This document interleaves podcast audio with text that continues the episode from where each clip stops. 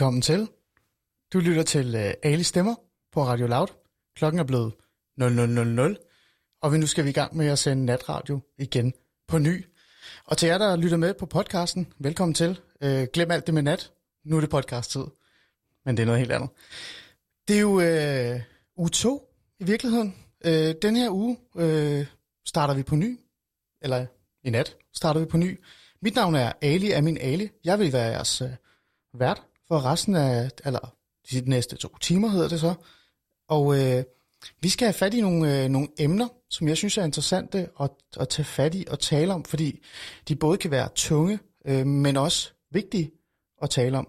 Især i de her øh, aftener, de her nattestunder, hvor man måske er op, har svært ved at sove, og har nogle ting, der rumsterer i hovedet, som også kan rumstere i hverdagen, men måske fylder mere her om natten. Og det er jo netop det, Alis stemmer er her for. Det er netop for at tage nogle af de her lidt svære stemmer, eller de her svære emner hedder det, og give de her svære stemmer, eller dem, som gerne vil tale om det her, muligheden for at komme med deres øh, tanker, deres følelser, deres holdninger, eller bare sige noget, de øh, har haft brug for at sige. Og øh, med de ord, så tænker jeg, at øh, det vil måske være en god idé at fortælle, hvad det er, vi altid skal snakke om i aften.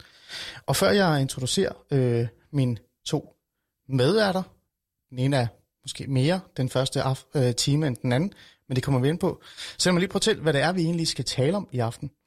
I nat øh, vil jeg gerne tale om sorg, altså at miste en, der står en nær, og hvordan ensomhed kan ramme en, uden man har set det komme.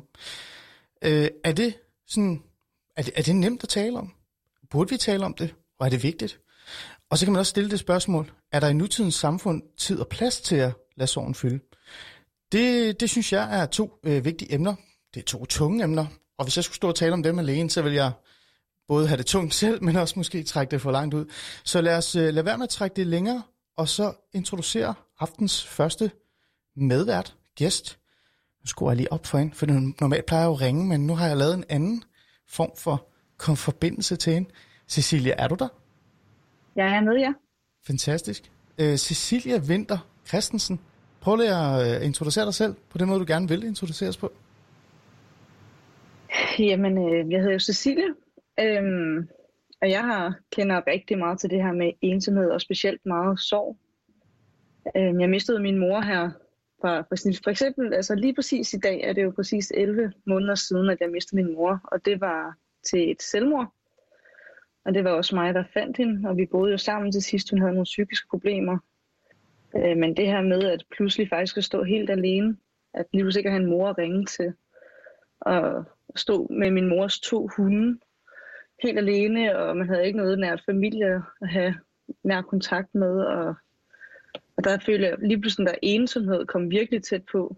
Altså jeg havde haft ensomhed rigtig tæt på i livet, fordi jeg var ikke den pige, som havde venner i folkeskolen, og jeg blev også mobbet, og og har aldrig rigtig også de der barndomsveninder, når man så andre på sociale medier sidde sammen med deres venner og veninder, sad man der alene, ikke? Og, og kunne følge med, og følte, når man er så den eneste. Og jeg har jo egentlig aldrig snakket med andre mennesker omkring ensomhed, men i dag kan jeg jo godt se og høre, at det er nok mere normalt end som så. Mm. Og derfor er det jo bare fedt, at vi kunne åbne op for det og få taleemne omkring det her med ensomhed og specielt også sorg, fordi at der er jo mange af os, der har oplevet sorg, og det er sorg er også på mange forskellige måder. Det kan jo sagtens være, at du har mistet en person tæt på dig, men det kan også være sorg omkring, at du, som under coronatid, at du savner skolen, mm. savner dine venner. Det kan være sorg omkring at miste en kæreste eller en nær ven. Og det er jo et meget bredt emne.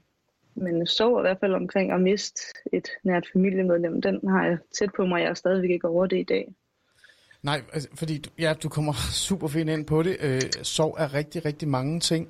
Og, øh, og det, altså, jeg laver også mærke til dig øh, på de sociale medier, fordi du netop på en eller anden måde åbnede op for den her, øh, det her tab og den her sorg, der kom øh, altså på baggrund af din, din mors øh, øh, selvmord, som du selv nævner, øh, død.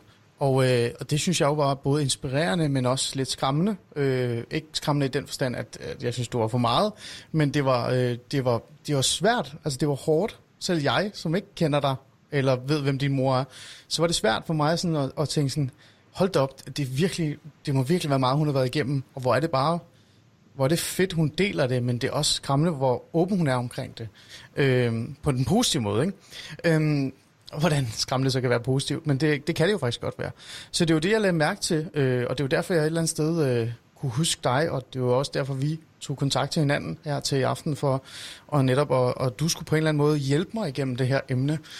Øh, og det er ikke fordi, jeg siger, at jeg ikke selv har oplevet sorg. Det har jeg. Øh, det har jeg, og det kommer vi også ind på. Men du har bare haft det inde på dig selv på en anden måde. Og du virker også bare lidt stærkere, og det synes jeg er fedt. Så derfor så havde jeg brug for at lige at have dig med. Og før vi sådan rigtig dykker ned i det, så, øhm, så tænker jeg, at øh, vi skal også have en anden gæst med. Og nu går jeg lige hen og henter min telefon, så vi kan ringe hende op.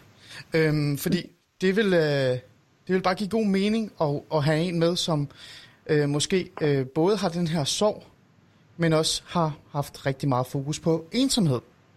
Øhm, for så, så dækker vi på en eller anden måde begge ting. Øhm, og lad os prøve at ringe hende op. Så behøver jeg ikke at introducere hende, så kan hun selv introducere sig selv. Jeg håber, hun tager telefonen. Jeg ved aldrig. det gør hun ikke. Skal vi se, om vi kan få hende igennem, ikke? Hej, kan du høre mig? Ja, det kan jeg i hvert fald. Fantastisk, der var du. Ja, hej. Hej, øhm, lad mig, prøv at høre, det er sgu bedre, hvis jeg bare lader dig introducere dig selv. Øhm, ja, Hvem er du? jamen øh, jeg er Sofie, og øh, jeg er 19 år, og jeg bor i Rigsted. Mm, Og så er jeg selvstændig og træner heste. okay.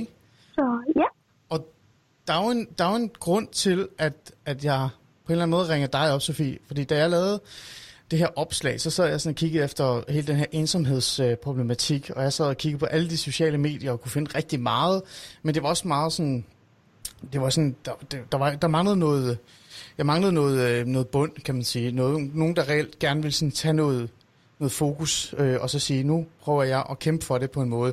Øh, hos de unge, og det er jo ikke fordi, jeg siger, at det er kun de unge, du har fokus på, men jeg manglede noget fra, fra en, et ungt menneske, som virkelig gerne vil uh, sætte nogle flere ord på det.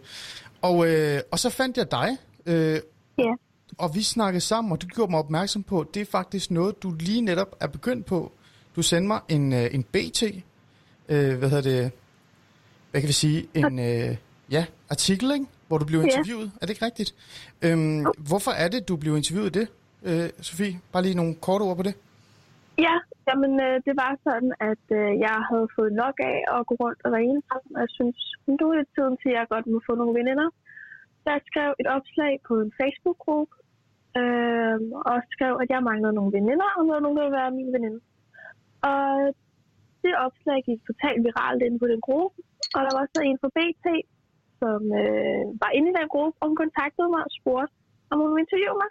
Og så sagde jeg, ja, det måtte hun gerne. Okay. En gruppe, du har lavet, altså for ensom. Nej, den her gruppe, den hed Girls Support Girls. Så det var en ren pige fnider. Okay, okay, interessant. Så du er jo lidt med for at hjælpe mig med det andet emne, det vil sige, når klokken bliver et, og vi skifter lidt over til emnet ensomhed, så Ja. har jeg jo brug for din støtte til at sætte lidt fokus på det. Øhm, og du har endda også fået nogle, nogle historier. Er det ikke rigtigt? Der er folk, der har skrevet til Jo. dig, efter du sagde, at du ville være med i alle stemmer i aften. Øhm, Det er rigtigt. og dem har du tænkt dig at dele med os. Men, men Ja. dem gemmer vi lige lidt, fordi jeg vil faktisk gerne have, at du hænger med øh, her Ja. i forhold til sorg, øh, som på en eller anden måde også skal forbindes til ensomhed. Øhm, så du får lov til at hænge med øh, nu, Sofie, og, og lad os tage fat i det her, øh, det her, hvad kan vi sige, sorg øh, som emne. Og for at kunne gøre det, så lad os lige lave en lille skiller, så vi rigtig kan komme i gang med det.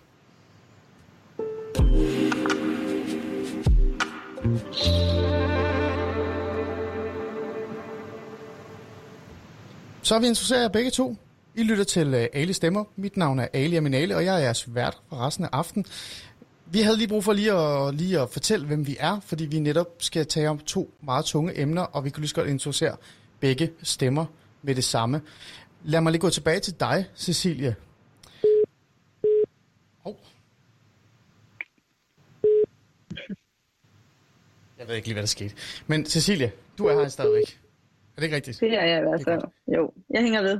Det er godt. Det her sorg, øhm, som kan være rigtig, rigtig svært at have. Øhm, Ja.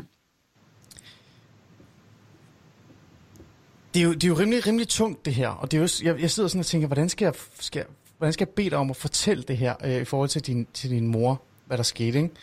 Øhm, men, men hvordan ramte det dig? Altså, det, det er jo et mærkeligt spørgsmål at stille dig, men, men hvad var det, der skete? Altså, den her, hvordan, hvordan kom den her sorg, når, når der var gået et lille stykke tid, og du var, altså, mor var desværre øh, ikke der mere. Hvordan, hvordan kom det så? Jeg tror, mange kan genkende den følelse, hvis man har prøvet at miste nogen tæt, at først så forstår man jo faktisk ikke, hvad der sker. Altså den første, lige da det skete, der kunne jeg jo ikke engang græde. Jeg var meget målløs. Jeg vidste Mm. ikke, om jeg skulle grine eller græde, eller hvad jeg skulle gøre. Øhm, og jeg føler jo faktisk, det der også, kunne jeg forestille mig, der er mange, der føler, at i dag føler jeg faktisk, hun på en eller anden måde at rejse. Altså, Okay. hun sidder et eller andet lækker sted nede i Spanien, og så kommer hun hjem i morgen. Mm. Og det gør hun jo bare overhovedet ikke. Øhm, og sorgen, den, jeg er stadigvæk i den egentlig i startprocessen af den sorg. Fordi der er stadigvæk nogle gange i dag, hvor jeg tænker, så går det pludselig op for mig, at hun ikke er her. Og så får man de her billeder i hovedet, der er nogle dufte, man kan genkende, og så også, har jeg jo også noget traume efter, at jeg har fundet hende, og de ting, de billeder er jo også i hovedet, hvor at jeg kan mærke klart, at sorgen den kommer, hvor det ligesom går op for en, okay, hun er her ikke mere, og man savner de gode ting, man lavede sammen. Jeg savner de der filmaftener, vi havde, hvor vi grinede, og hun var sjov, og altså det, sorg er simpelthen hele følelsesspektret, du går igennem. Alt sammen. Altså søvnløse nætter, øh, mister appetitten, du får lyst til at spise mere, øh, og så kommer ensomheden også snigende ind. Øh, du har svært ved at åbne dig. Også helt klart følelsen af, at i starten lige når der er en, der dør, der er tæt på, så er folk jo meget, når, hvordan har du det, er det okay, kan jeg spørge ind til det? Og så er det som om, at hverdagen den fortsætter, fordi livet fortsætter jo for alle andre mennesker, end i din egen lille boble, Mm. hvor du er i sorgen selv og er ked af det. Og så er det som om folk, de glemmer jo faktisk lidt, at du stadigvæk er ked af det. Jeg kan godt se, at du virker jo glad nok, for det er jo de her sociale medier jo egentlig gør. Og det er også derfor, jeg er typen, der også deler mine dårlige dage. For jeg har bare dage, hvor jeg har lyst til at ligge mig under dynen, og så bare græde. Mm. Så Her, her taler du om, om folk omkring dig. Øhm, tænk, altså, er, det, er det venner, du tænker på? Altså, er det venner, der har sværest ved at, at forstå den her sorg, øh, en person kan blive ramt af? at der et, altså for eksempel en veninde eller et eller andet? Er det, eller er det også familiemedlemmer? Altså andre, som måske er hurtigere til at komme videre? Øhm, jeg tror, folk nu, mennesker i den lidt ældre generation, kan føle, at så kommer du videre. Ikke? Hvor flere unge forstår, at vi skal tale mere åbent om det. Jeg kommer jo fra en familie, hvor man fik at vide, at går du til psykolog, så er du svag. Kom nu videre. Op på hesten igen. Øhm, men det, jeg tror mere, det er også det der med, at veninder nogle gange, eller og venner kan se sådan, at hun har det nok meget godt, så, så kører det ikke. Altså selvfølgelig mine tætteste veninder kan også være sådan, er du okay, eller er du ked af det i dag? Jeg kan mærke, at du er lidt fraværende. men jeg er jo også bare typen, og det tror jeg ikke, jeg er den eneste, der er. Jeg er også typen, der lukker mig ind for mig selv, og så vil jeg faktisk ikke have kontakt til nogen eller noget. I den dag, hvor jeg bare har det skidt, så skal jeg bare ligge selv og have hundene tæt på mig, som jeg har fået efter min mor. Og så bare være min egen lille sørgelige boble og føle, at hele verden er uretfærdig. Mm. Og så sidder man bare og græder. Og så vågner, er det ligesom, der kommer en ny dag, så tænker puh, så var det ude af verden, ikke? kan, altså, kan man sige, at sorgen måske har været med til at gøre dig øh, mere, altså, altså trangen til isolation er blevet større? Altså det der med at isolere sig selv lidt, komme lidt væk fra alle, fordi man føler lidt, at den her sorg skal enten bearbejde, altså man skal arbejde med den, eller at andre bare ikke forstår en, så er det nemmere at gemme sig selv, pakke en væk. Nogle gange er det bare, men jeg tror altid, jeg har haft det lidt, men jeg kan i hvert fald mærke, at det er så dyb en ting, at jeg, man kan godt blive frustreret, og det er, det er også hårdt at sige, men det jeg har været igennem, så kan jeg godt blive frustreret over at nogen, der siger, at men det kan jeg godt forstå. Jeg mistede også min morfar til et eller andet for fem år siden. Og så nej, det er ikke det samme, og du kan ikke forstå de følelser, jeg har inde i, fordi de følelser, jeg har. Mm. Og det er så hårdt at sige, fordi alle sorg er jo en dyb sorg og forfærdeligt, men det, vi har jo alle vores følelser, og alt er jo forskelligt fra person til person. Mm. Men man føler virkelig, når man bare er den eneste i verden, der bare har det virkelig dårligt. Mm. Og jeg tror, det er derfor, jeg har lyst til at dele så meget af det, fordi jeg ved, jeg ikke er den eneste, der har det sådan.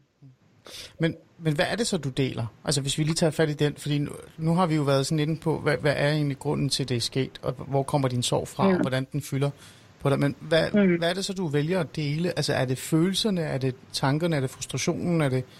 Øh, hvad, hvad er det, der, du deler med andre? Jeg føler gerne, at der er mange, der tror, jeg er glad rigtig meget tiden.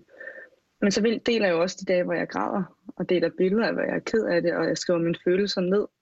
Mm. Og jeg skriver, at der har jeg bare haft en rigtig lort i dag, og jeg er bare rigtig ked af det, og jeg kan ikke stoppe, fordi tårerne de løber bare. Mm. Det er bare rigtig øv, og jeg savner min mor, fordi nogle gange er det sgu bare rart at kunne ringe til sin mor og sige, jeg har det træls. Mm. Og den, det kan jeg pludselig ikke mere i dag, så er jeg pludselig blevet den voksne selv. Man er pludselig trådt ind i de voksne rækker lige pludselig meget tidligere, end man lige troede, mm. at det skulle ske.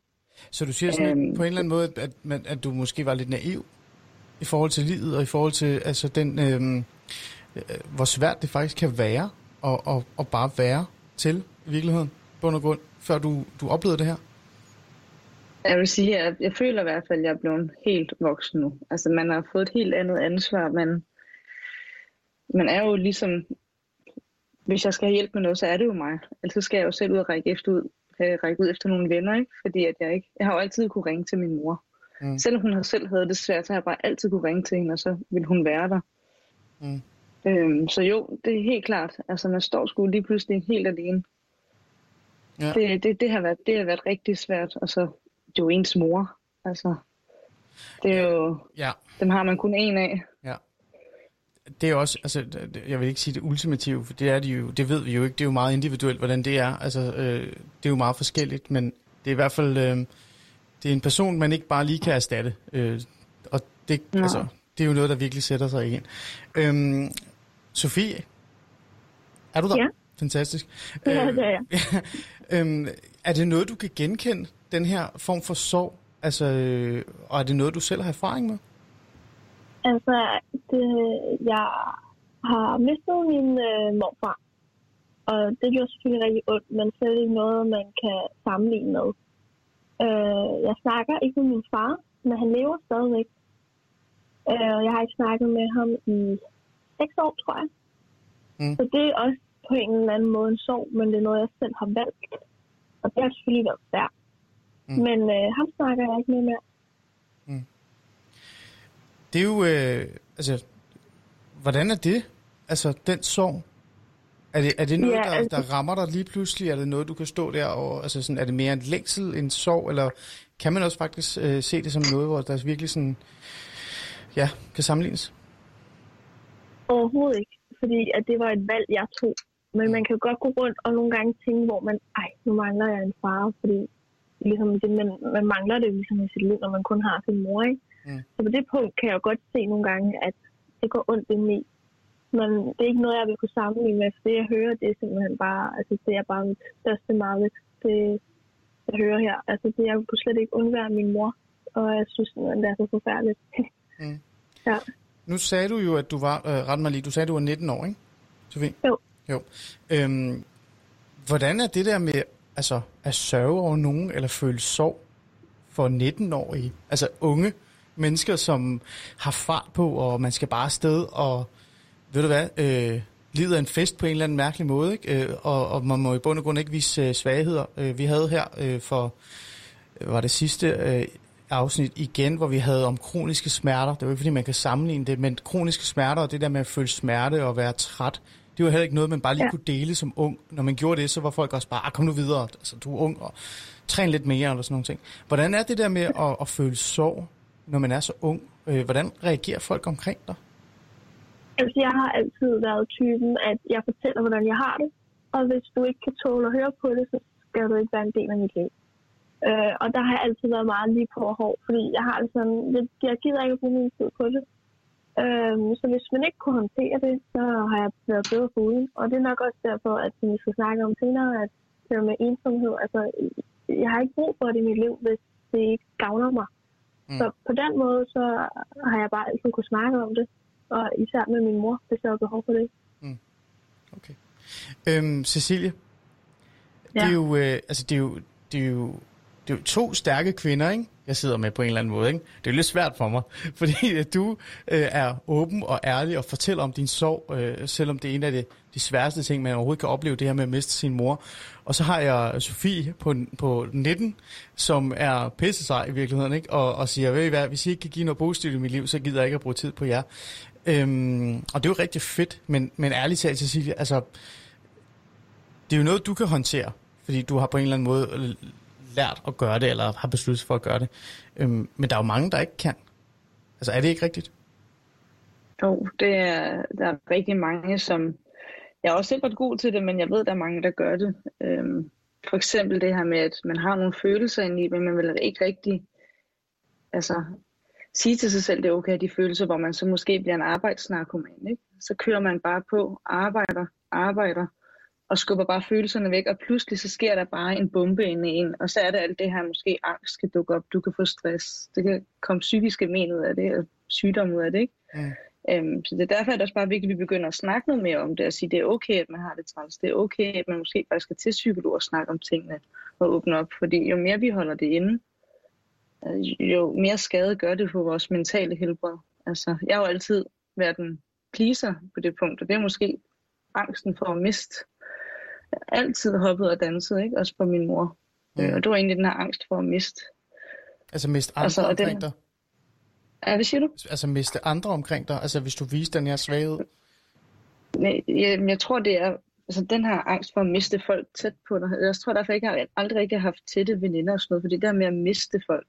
Mm. Jeg har altid så mistet altså, familie omkring mig. Altså, min onkel begik jo også selvmord. Så det er jo, Okay. Det, det kommer ikke bare ligesom så, så jeg har altid været lidt, lidt ud på listetær, altså listefødder, fordi mm. man er bange for at miste, ikke? Og så er det, man... Ja, det er, det er egentlig et svært emne at forklare. Ja, øhm, det er det, det er det, og jeg også, ja, det er også ja, hårdt af mig. Altså, ja. Men helt klart det her med, at jo mere vi åbner op og kunne snakke om det, jeg tror virkelig, det vil være sundt, også fordi, at som vi snakker også om tidligere, det her med mænd, Mm. Der er ikke ret mange mænd, der snakker om det. Jeg synes jo mest, det er kvinder, der taler op. Altså, der taler om det og åben. Øhm, fordi kvinder er måske mere... Altså, kan mærke deres følelser og vil gerne snakke åbent omkring det, hvor mænd måske har det med at skubbe det lidt væk. Ja, det, det, er nemlig, det har du nemlig ret i. Altså, jeg, Altså generelt synes jeg, det er svært at finde mænd og deltage i de her programmer, fordi vi netop tager nogle svære emner. Øh, ej, nu var der faktisk en, en rigtig god mand med øh, sidste gang. Øh, men men øh, det var lidt svært at finde øh, øh, mænd til, altså i forhold til det her med at tale om sorg. Ensomhed var, der, var det måske lidt nemmere. Men, men igen, altså bare lige før vi går lidt videre, så vil jeg gerne lige bore i det igen, Cecilie, fordi Altså, mm. du siger, at vi skal bare tale om det. Altså, sorg er jo, er jo nemt at tale om øh, med din, din nærmeste, for eksempel, kan man sige. Øhm, og det er, ja. også, det er også nemt at sige, at vi skal tale om det, fordi så skal vi jo bare lave sådan et radioprogram, eller lave en, en, et opslag, eller øh, deltage i en eller politikken-artikel. Øhm, det ændrer jo ikke rigtigt på, at, at samtalen omkring sorg, især hos unge, øh, er meget, meget svært, fordi man netop er ung, og man skal være sådan stærk, øh, bliver du ikke mødt med den? Altså bliver du ikke mødt med den der, der hedder, jamen prøv at sige, nu er du sat dig sammen. Altså du er jo ung, øh, du skal videre. Øh, agtigt. Øh, altså har du ikke selv mødt den, og kan du ikke forstå, at det måske øh, er en barriere, man ikke bare lige kan hoppe over, ved at bare sige, at vi skal bare tale om det. For der er mange, der netop ikke kan tage den. De har ikke styrken til det. Jamen, jeg har egentlig ikke haft den der modstand omkring, at jeg ikke, altså jeg bare skulle komme videre, fordi at da jeg for eksempel startede på uddannelse i sommer, så var det noget af det første, jeg sagde i klassen, det var, at hey, jeg hedder Cecilie, jeg har lige mistet min mor her i foråret, og øh, ja, jeg har sgu nok nogle ups and downs dage, og det er, så er jeg ked af det, og så er det sådan, som det er. Så det, jeg var egentlig meget åben omkring det, og jeg tror, at folk ligesom har haft respekt for det. Øhm, jeg, tror, jeg er ret sikker på, at hvis jeg ikke havde sagt det, Øhm, jeg har haft en dag, jeg var nede, og hvor folk ikke vidste, hvad det var, så ville de jo nok bare synes, at ej, hun er jo bare øh, asocial, og hun gider ikke være en del af gruppen. Øhm, så jeg, jeg har kunne mærke, at jeg har været åben. Det har gjort, at det har været lidt nemmere for mig, fordi folk forstår, at Nå, okay, hun har altså også været det igennem, og det er egentlig okay. Øhm, så jeg har ikke følt, at jeg bare skulle komme videre. Men jeg, det eneste, jeg har følt, det er måske, folk har glemt det, jeg har været igennem. Hvad øhm, tænker du, hvordan glemt? Øh, det er det her med, at i starten tog folk meget øh, hensyn til mig. omkring, om hvis du lige skulle have lidt ekstra tid, så var det okay, eller er du, altså, vil du helst være hjemme, eller vil du være komme i skolen, eller med med studiegruppen, og, og i dag, der er det jo nok mere sådan, nu skal vi jo bare mødes, så hvis ikke, jamen, så har man ligesom glemt, at man godt kan have en dårlig dag, hvor man lige skal sige, at jeg har det lidt skidt, det, det kan jeg altså ikke. Men er det ikke også, er det ikke også et voldsomt krav at stille over for andre omkring en, især, øh, altså du ved, øh, studiekammerater, øh, eller andet, altså det her med at kræve, at de skal være bevidste omkring, at der er noget sorg i, i den anden jo. person i deres... Øh, eller altså for den sags skyld sidde der i, i en klasse, og så lige pludselig så møder man den nye øh, altså kollega, eller øh, ja, den man skal undervise, eller ikke undervise, men altså læse med, som stiller sig op og siger, hey forresten, jeg skal bare lige vide, jeg går igennem en kæmpe periode. Altså, er det ikke også lidt, kan det ikke også være sådan lidt øh, for krævende måske? Det kan godt være angstprovokerende at skulle igennem. Øh, man kan føle, at man skal præstere mere, end det man skulle, og man kan også føle, at jeg måske, ikke, det er også et stort ord at sige, men en pestilens for nogen, ikke? Mm. Men jeg synes klart bare, at man kommer længst bare ved at være, altså ikke bare, det er jo ikke bare, men at være ærlig omkring, hvordan man har det. Fordi mm. at så har man bare en større forståelse omkring, øh, hvad den person går igennem, i stedet for at man måske bare løjer sig, at jeg kan klare det hele, som jeg plejede at kunne før i tiden. Øh, selvom min hukommelse, den virker ikke. Jeg bliver hurtigere presset, jeg bliver hurtigere ked af det, jeg er bare ekstra følsom i nogle perioder og så bliver man misforstået. Mm. Øhm, men det er helt klart, at det, det er også nogle gange sådan lidt, åh, det kan bare føles tungt det hele. Mm. Fordi at, så har man sgu lige en dårlig dag, og så er man igen en af dem, der tænker, ej, nu kan hun ikke igen. Eller, altså, det, det, det kan være hårdt, og det er også bare, når jeg bruger ordet bare, for det er jo ikke noget, der er bare lige. Nej. Det, det, det er en hård ting, og jeg tror, der er mange, som går igennem en, den sorg, måske hvilken slags sorg, men det er en sorg, så tror jeg, det er rigtig hårdt at skulle være ærlig omkring det. Mm. Fordi man er også bange for at blive dømt nogle gange. Ja. Som om man er svag. Ikke? Jo. Øhm, ja, og det, og det kender jeg jo på en eller anden måde øh, selv en lille smule i forhold til den sorg, jeg har oplevet eller har prøvet. Øhm, og jeg er jo sådan en rigtig mand, så jeg, jeg skyder det jo bare væk undgår at tænke over det. Øh, hvis jeg skal komme lidt med min egen lille historie, som jeg faktisk aldrig rigtig har delt nogen steder eller sagt til nogen, jeg, jeg mistede min, øh, min mormor øh, for nogle år siden, som har betydet rigtig meget for mig, øh, som virkelig har været sådan en form for mor for mig i virkeligheden, øh, ekstra mor. Øh, og øh, altså hun, altså, når jeg, altså hun boede i Sverige, så når jeg tog ud og besøgte øh, øh for eksempel min familie i Sverige, så boede jeg altid hos inden. Øh, jeg gad ikke bo hos nogen andre, og, og, og det var fordi, det var der, jeg følte mig tryg, og da jeg var mindre og boede i Iran, jeg kommer oprindeligt fra Iran, der var det som regel hende, der passede på mig, og det var hende, der sådan... Øhm, jeg var hjemme hos hende, og nogle gange, når der kom de der... Øh, sådan, det var sådan, da jeg boede i Iran, der var det sådan under det hele den her Irak-Iran-krig. Så når der skete noget bombardement eller et eller andet mærkeligt, som hvor jeg følte mig utryg, så var det hende, der passede på mig og beskyttede mig og løb med mig ned under et eller andet beskyttelsesrum, eller et eller andet, hvad det nu end var. Det kan jeg ikke rigtig huske, da jeg var lille. Så hun betød virkelig meget for mig. Øhm, og hun begyndte at blive senil i hendes sidste år. Øh, og, og det var rigtig svært for mig at, at forholde mig til, fordi det var svært at kunne mærke på hende, at hun sådan begyndte at glemme mig virkeligheden. Øh, og der kom allerede en form for sorg i mig der, det der med, at jeg havde, jeg havde mistet hende, selvom hun sad sådan foran mig. Og da hun så gik bort her for nogle år siden, så, øhm, så deltog jeg ikke i hendes begravelse, og jeg har stadig ikke rigtig været der, øh, altså set hendes grav, som er i Sverige, og det, så langt er det heller ikke sagt. Det, det ville være meget nemt at tage hen. Fordi jeg faktisk ikke kan rigtig rumme, at hun ikke er der mere. Det, og det er, meget, det er en mærkelig følelse. Øhm, og det er så min måde at håndtere min sorg på. Det er reelt set ikke at håndtere min sorg på overhovedet. Og, og, og min måde også at håndtere sorgen på, det er også at ikke at tale om det. Altså som en nul. Øh, det er så første gang, jeg taler om det. Så er det selvfølgelig typisk mig at sige det på live radio. Når jeg skal endelig sige noget, så gør jeg det sådan 200 procent. Øhm, men, men altså, det er jo, den, det er jo den, den måde, jeg har taklet det på. Fordi jeg er også på en måde, øhm, Cecilia, og jeg tænker også dig, Sofie, Øhm, fordi du sagde netop, Sofie, øhm, at du bare sagde til folk, at så kunne de bare, altså, så kunne de ikke være i dit liv, ikke? Øhm, ja. ja. Min måde at gøre det på, det er sådan, at jeg faktisk har valgt bare at ikke dele det med nogen overhovedet, fordi jeg tænkte, for det første er det privat, men for det andet tænker jeg, det er bare en byrde at smide på andre. Altså, øh, så skal de gå rundt og hele tiden tænke på, at jeg er ked af det. Øh, og det ødelægger bare. Altså, jeg gider ikke møde op øh, på arbejde eller i skole. Og så det første, jeg møder, det er et ansigt, der sådan på en eller anden falsk måde siger til mig, Nå, er du okay? Og skal du have et kram eller et eller andet? Altså, det kunne jeg ikke håndtere. Øh, og jeg er måske heller ikke så socialt minded, men det kunne jeg i hvert fald ikke. Det var min måde at, at klare det på. Men Sofie, altså, der er jo forskellige måder at håndtere sorgen på. Ligesom du sagde, du, du vælger jo bare at sige farvel til dem, der ikke kan, kan håndtere eller kan acceptere den måde, du er på i forhold til det. Øhm, ja. har, du, har du så mødt nogle, altså er folk blevet sådan irriteret på dig, eller sure over eller ikke har forstået, hvorfor at du er sådan, altså udefra? Ja, altså jeg er jo ikke sådan en uh, iskold person, det vil jeg lige sige. Altså, jeg, jeg ved jo også, at da jeg var mindre, så var jeg bare en pleaser. Altså, der var ikke nogen, altså, hvis der nogen, der sagde noget til mig, så sagde jeg, ja, selvfølgelig, og så bukkede jeg mig.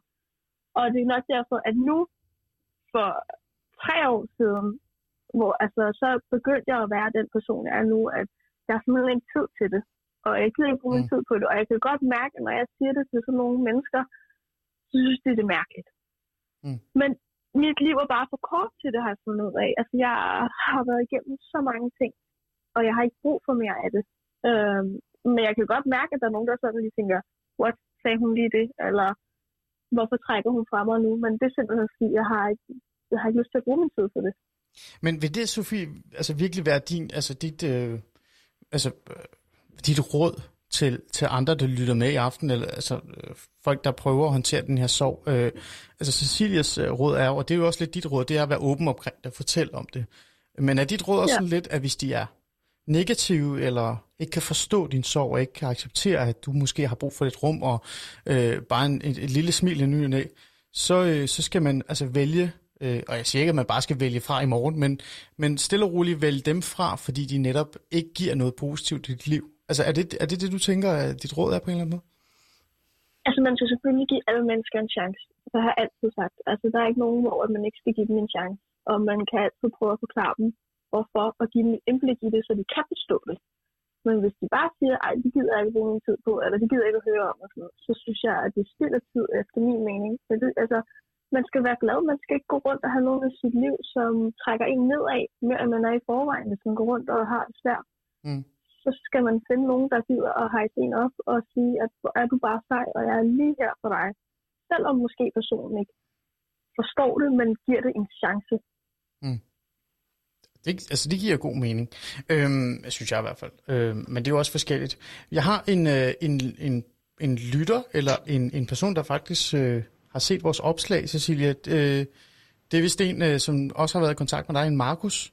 Øh, jeg tænker, det vil give god mening at ringe Markus op nu, øh, både fordi han er en mand, så det er meget godt at få en mand med, men også fordi han netop har oplevet nogle af de her ting, vi er lidt kommet ind på, det der med, hvordan folk reagerer udefra, når man har den her sorg, man går rundt med, som enten handler om, at man er mistet en, øh, man er nær, eller har oplevet, at man har droppet en person, eller øh, hvad det nu end er, fordi sorg er så forskelligt, som det er. Øhm, lad os lige prøve at, at ringe op til ham, og, øh, og Sofie, hvis du, bliver, du ryger af, ikke? så skal du ikke gå i panik, så ringer jeg dig op igen.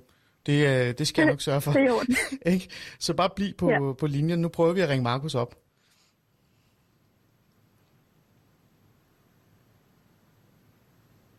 Se om det lykkes. Nå, ham prøver vi lige at ringe igen til.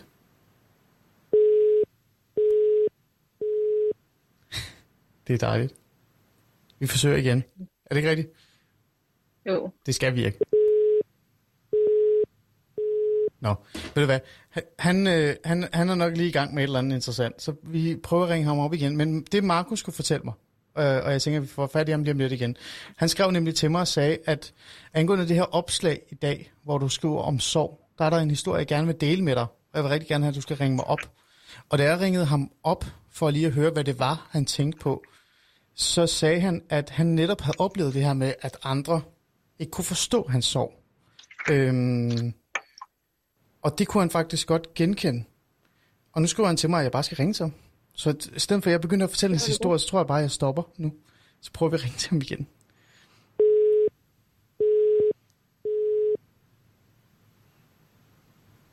Nå, okay. Øhm, nu ringer han, tænker jeg. Vi giver ikke op, Cecilie. Hej, Markus, er du der? Det er godt. Kan du slukke alt det andet omkring dig? Det andet om... Det er jeg. Kan du slukke det andet omkring dig, så vi kan høre dig? Ja, hej. Hej, fantastisk. Nu er du med. Godt, Markus. Ja. Det er altid det der med teknikken, ja. ikke? Det er så hyggeligt. Ja, men det, det er fordi, at uh, der kommer sådan en smart funktion øh, på iPhones, hvor at, øh, man kan bede den om sådan ukendte numre direkte til telefonsvaren. Nå, man slipper for alle de der øh, øh, er telefonselskaber, der ringer. Og, det er fint, Markus. Det, det, må, det, tager, det kan vi lave et helt program om en, en anden dag. Markus, lad os holde os til den her øh, øh, omkring sorgen. Altså, vi var lidt inde på, øh, mig, Cecilia og Sofie, omkring det her med, at når man mister nogen, og når man har den her sorg, så er det selvfølgelig svært at tale om. Det er selvfølgelig også svært at være i, men det er også rigtig svært at forklare andre omkring en, øh, at det er noget, der, er, der betyder meget for en. Og der skrev du til mig og sagde, det er noget, du kender til, det her med at, at opleve sorg, øh, men på en eller anden måde være et sted, hvor andre ikke kan forstå dig. Kan du prøve at fortælle lidt, hvad det var, du Ja. sagde til mig? jamen altså, øh, jeg mistede min øh, onkel i, øh, i 2018 meget pludseligt, øh, og han blev kun 32 år gammel. Øh, og det har været rigtig svært for dem omkring mig at, øh, at forstå, hvor meget han betød for mig, fordi at han jo var min onkel, og så tænker de fleste, har jeg i hvert fald erfaret, at, øh, at det burde man ikke Mm. øh, komme så dybt over. Øh, øh, og jeg har også oplevet rigtig meget det der med, at, at, at folk ligesom bare siger, at, at man skal bare komme videre. Altså allerede efter et par uger, var der nogle af mine allernærmeste, der sagde, at, at nu må de altså også komme videre og, og lade være med at have så meget selvmedledenhed. Hvem, hvem, var det, var ret hårdt. hvem var det, du sagde, der sagde til dig, at, der, der, at du bare skulle komme videre? Altså, hvem var det, der sådan pressede dig? Jamen, det, det, det, er- altså, det er egentlig min øh, nærmeste familie, men, men øh, jeg ved, at, at han ikke mente noget ondt med det, så jeg føler ikke rigtig, at jeg sådan behøver at, at hænge, hænge ham ud for det Mm. Mm. Øh, her. Men, men det var i hvert fald rigtig hårdt at få at vide. Mm. Øh, hvordan taklede du det? Altså sådan det her med, at, at man sidder der, og man føler en form for sorg, og der er en person, man har mistet, som er en nær, øhm, og det er rigtig svært at være i, fordi man savner personen, og øh, at der er så andre, der ikke rigtig kan altså, håndtere det. Altså nu har vi hørt fra Cecilia, det er jo, hendes råd var jo at sige højt, at sådan er det, og det skal man, det skal man altså acceptere, og det skal man jo støtte op omkring. Og Sofie var jo inde på, at øh, så skubber man dem væk, hvis de ikke forstår det. Hvordan håndterede du det egentlig?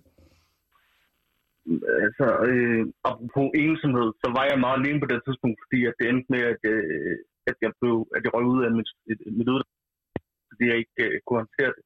Mm. Grund det her, og så sad jeg egentlig bare meget alene i mit lejlighed.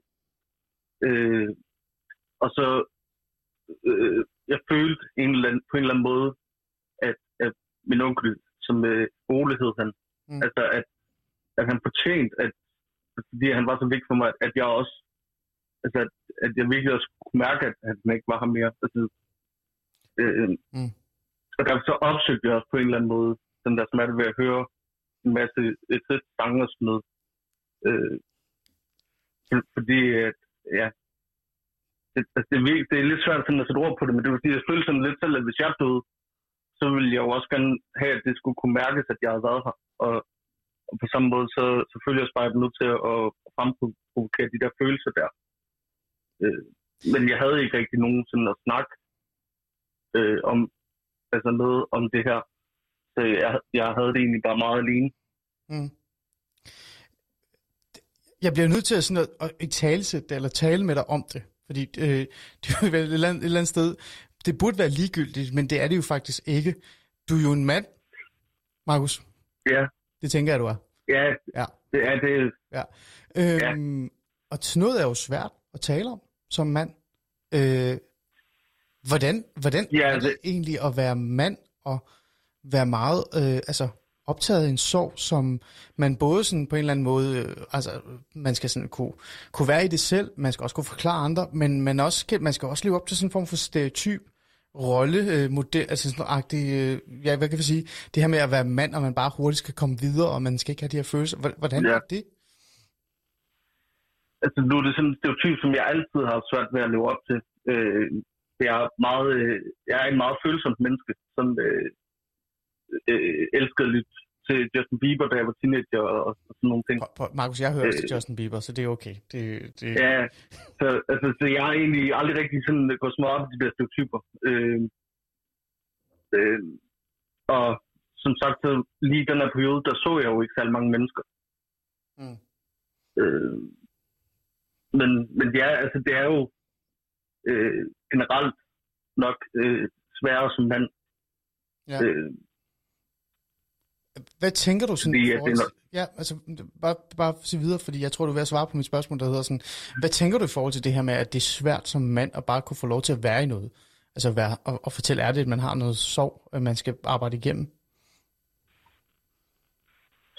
Jeg tænker, at, at, at sådan, sådan burde det i hvert fald ikke være, men jeg synes faktisk måske også, at det bliver øh, bedre med tiden, for jeg tror da, at det er nemmere i dag, end det var øh, for eksempel øh, 50 år siden. Altså, altså, der er lidt mere plads i samfundet bag til, at man mand godt kan vise følelser og sådan noget, men, men der er selvfølgelig stadigvæk lang vej at gå. Mm. Øh, og det er da et problem, helt sikkert. Markus, tak fordi du ville dele din øh, historie. Øhm, det, er, det er super vigtigt, øh, og øh, tak fordi du sådan et eller andet sted også bare direkte ringede, eller skrev til mig og sagde, ved du hvad, det her, det skal med, øh, lige på falderæbet, før vi gik på. Så, øh, så rigtig sejt gjort er der. Øh, er der noget, du gerne vil sige her til sidst, som, altså til dem, der lytter med, som muligvis øh, har den her sorg øh, tæt på sig og har, og har et svært sted? Øh, lige et par kort ord. Øh, altså, jeg ved det ikke, fordi det, det er lidt en ringen trøst, det med, man plejer at sige med, at, tiden læger alle, alle sorg. Mm. Øh, men, men det føler jeg lidt, det gør for mig. Øh, og, og, og hvis det sker med tiden, så skal man heller ikke have dårlig samvittighed over det, fordi at, at det er jo også meget godt, at man sådan kan, og det vil dem, som man har mistet, nok også ønske, at man på et eller andet tidspunkt øh, kommer videre. Mm. Øh, og så må man jo bare gemme den i sig og lade dem leve videre øh, på den måde, Mm. mm. end i ens hjerte. Det var rigtig, rigtig flotte ord. Tak, Markus. Tak fordi du ville dele en historie. Ja, tak fordi, tak. At, øh, at du lod mig ringe dig op så sent en, øh, en aften. Ja. Ikke? Og, øh, Og tak fordi, at I, øh, tak fordi I diskuterer emnet. Det, det er vigtigt, og øh, ja. Mm. Mm. I, må også, I må en fortsat god aften. Tak for det. Og lige måde, øh, Markus. Ja. Hej. Nå, Cecilie. Øhm, Ja. Det er jo, øh, altså, det er jo, det er jo super flot, ikke?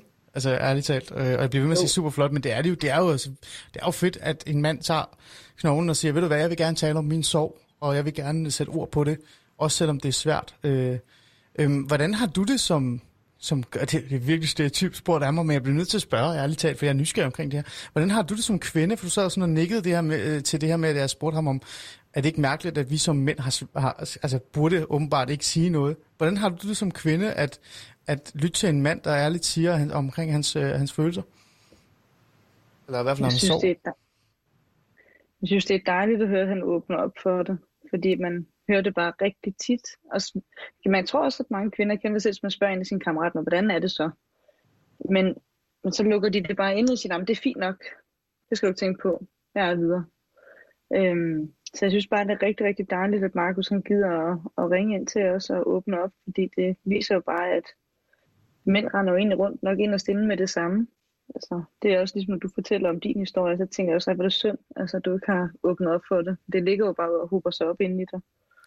Ja, det gør det. Øhm, Ja, det gør, der skal nok Ja. ja. rosé til, for jeg virkelig det går bliver lige et op. ømt punkt. Altså, Jamen det gør det, det gør det, det er rigtigt, og det er det der med, at det er et ømt punkt, ikke? Altså det, det er noget ømt, man fremviser på en eller anden måde, øh, og det er jo skørt, ikke? Fordi sorg er jo noget, vi alle sammen skal igennem, altså ærligt talt. Altså der er jo ikke nogen, der, ikke, altså, der lytter med her, som ikke kommer til at opleve sorg, desværre, men sådan er livet bare. Og, og det er jo utroligt, at så simpel, basal ting, som vi, altså som at miste en, som vi alle kommer til at opleve, at det skal være så svært, at, at, at bare kunne være i og kunne tale om. Ikke? Øhm, men sorg er også andre ting øh, end, end det her, fordi vi talte jo det her om, at øh, øh altså, det var faktisk dig, der sagde det, øh, Silje, det var ikke mig, at sorg kan være mange forskellige ting.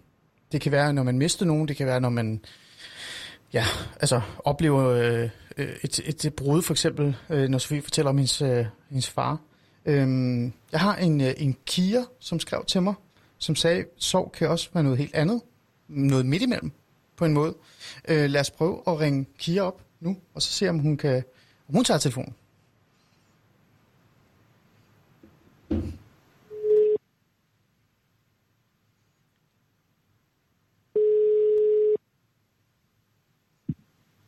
ja. Hej Kira, det er Ali. Du er med live øh, nu. Hos Ali Stemmer. Okay, hej. Hej, Ja. goddag.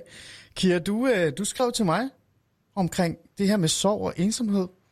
Øhm, Ja. Du skrev sådan, Ali, øh, på falderæbet næsten. Øhm, jamen, det var jo lidt det, du skrev. Øhm, Ja. Sorg kan også være noget andet. Det kan også være noget midt imellem, på en måde. Ja. Prøv lige at fortælle mig, hvad det er, som vi også skal huske på, når vi taler om sorg. Øh, jamen det jeg kom til at tænke på, og nu har jeg også siddet og lyttet lidt med, og også hørt for eksempel din øh, historie om, om din mormor, hvor det slog mig, at, at, at nogle gange så, altså vi taber selvfølgelig egentlig af kær, men vi taber også, at vi har betydning. Øh, og nu er jeg selv vokset op i, ja, man kan kalde det socialklasse øh, Å, eller hvad man har lyst til, men, men, men med at have nogle forældre, der ikke kunne tage vare på mig. Øh, og jeg har sådan senere hen mistet dem begge to, øh, og, og jeg har faktisk nærmest følt mig lidt lettet, efter de døde, og også i forhold til, i starten, hos min far døde først, og der følte jeg dårlig samvittighed, øh, som Markus også fortalte om, det, det kan man gøre, når man så bliver lettet. Øh, men, men, men hvor at, at det først efter min mor døde, at, at, at på en eller anden måde, så er det gået op for mig, at, at Øh, lidt ligesom Cecilie siger, at, at jeg behøver ikke at være en fise mere, og jeg, jeg er blevet, blevet, blevet fri, men samtidig har jeg også følt den her sorg over ikke at kunne have forældre, der har kunne elske mig. Øh, Mm. så, så på en eller anden måde, så, så, så, det, så det er en anden sorg, fordi jeg sørger ikke så meget over dem, men jeg sørger over det, de ikke kunne være på en eller anden måde, hvis det giver mening. Mm.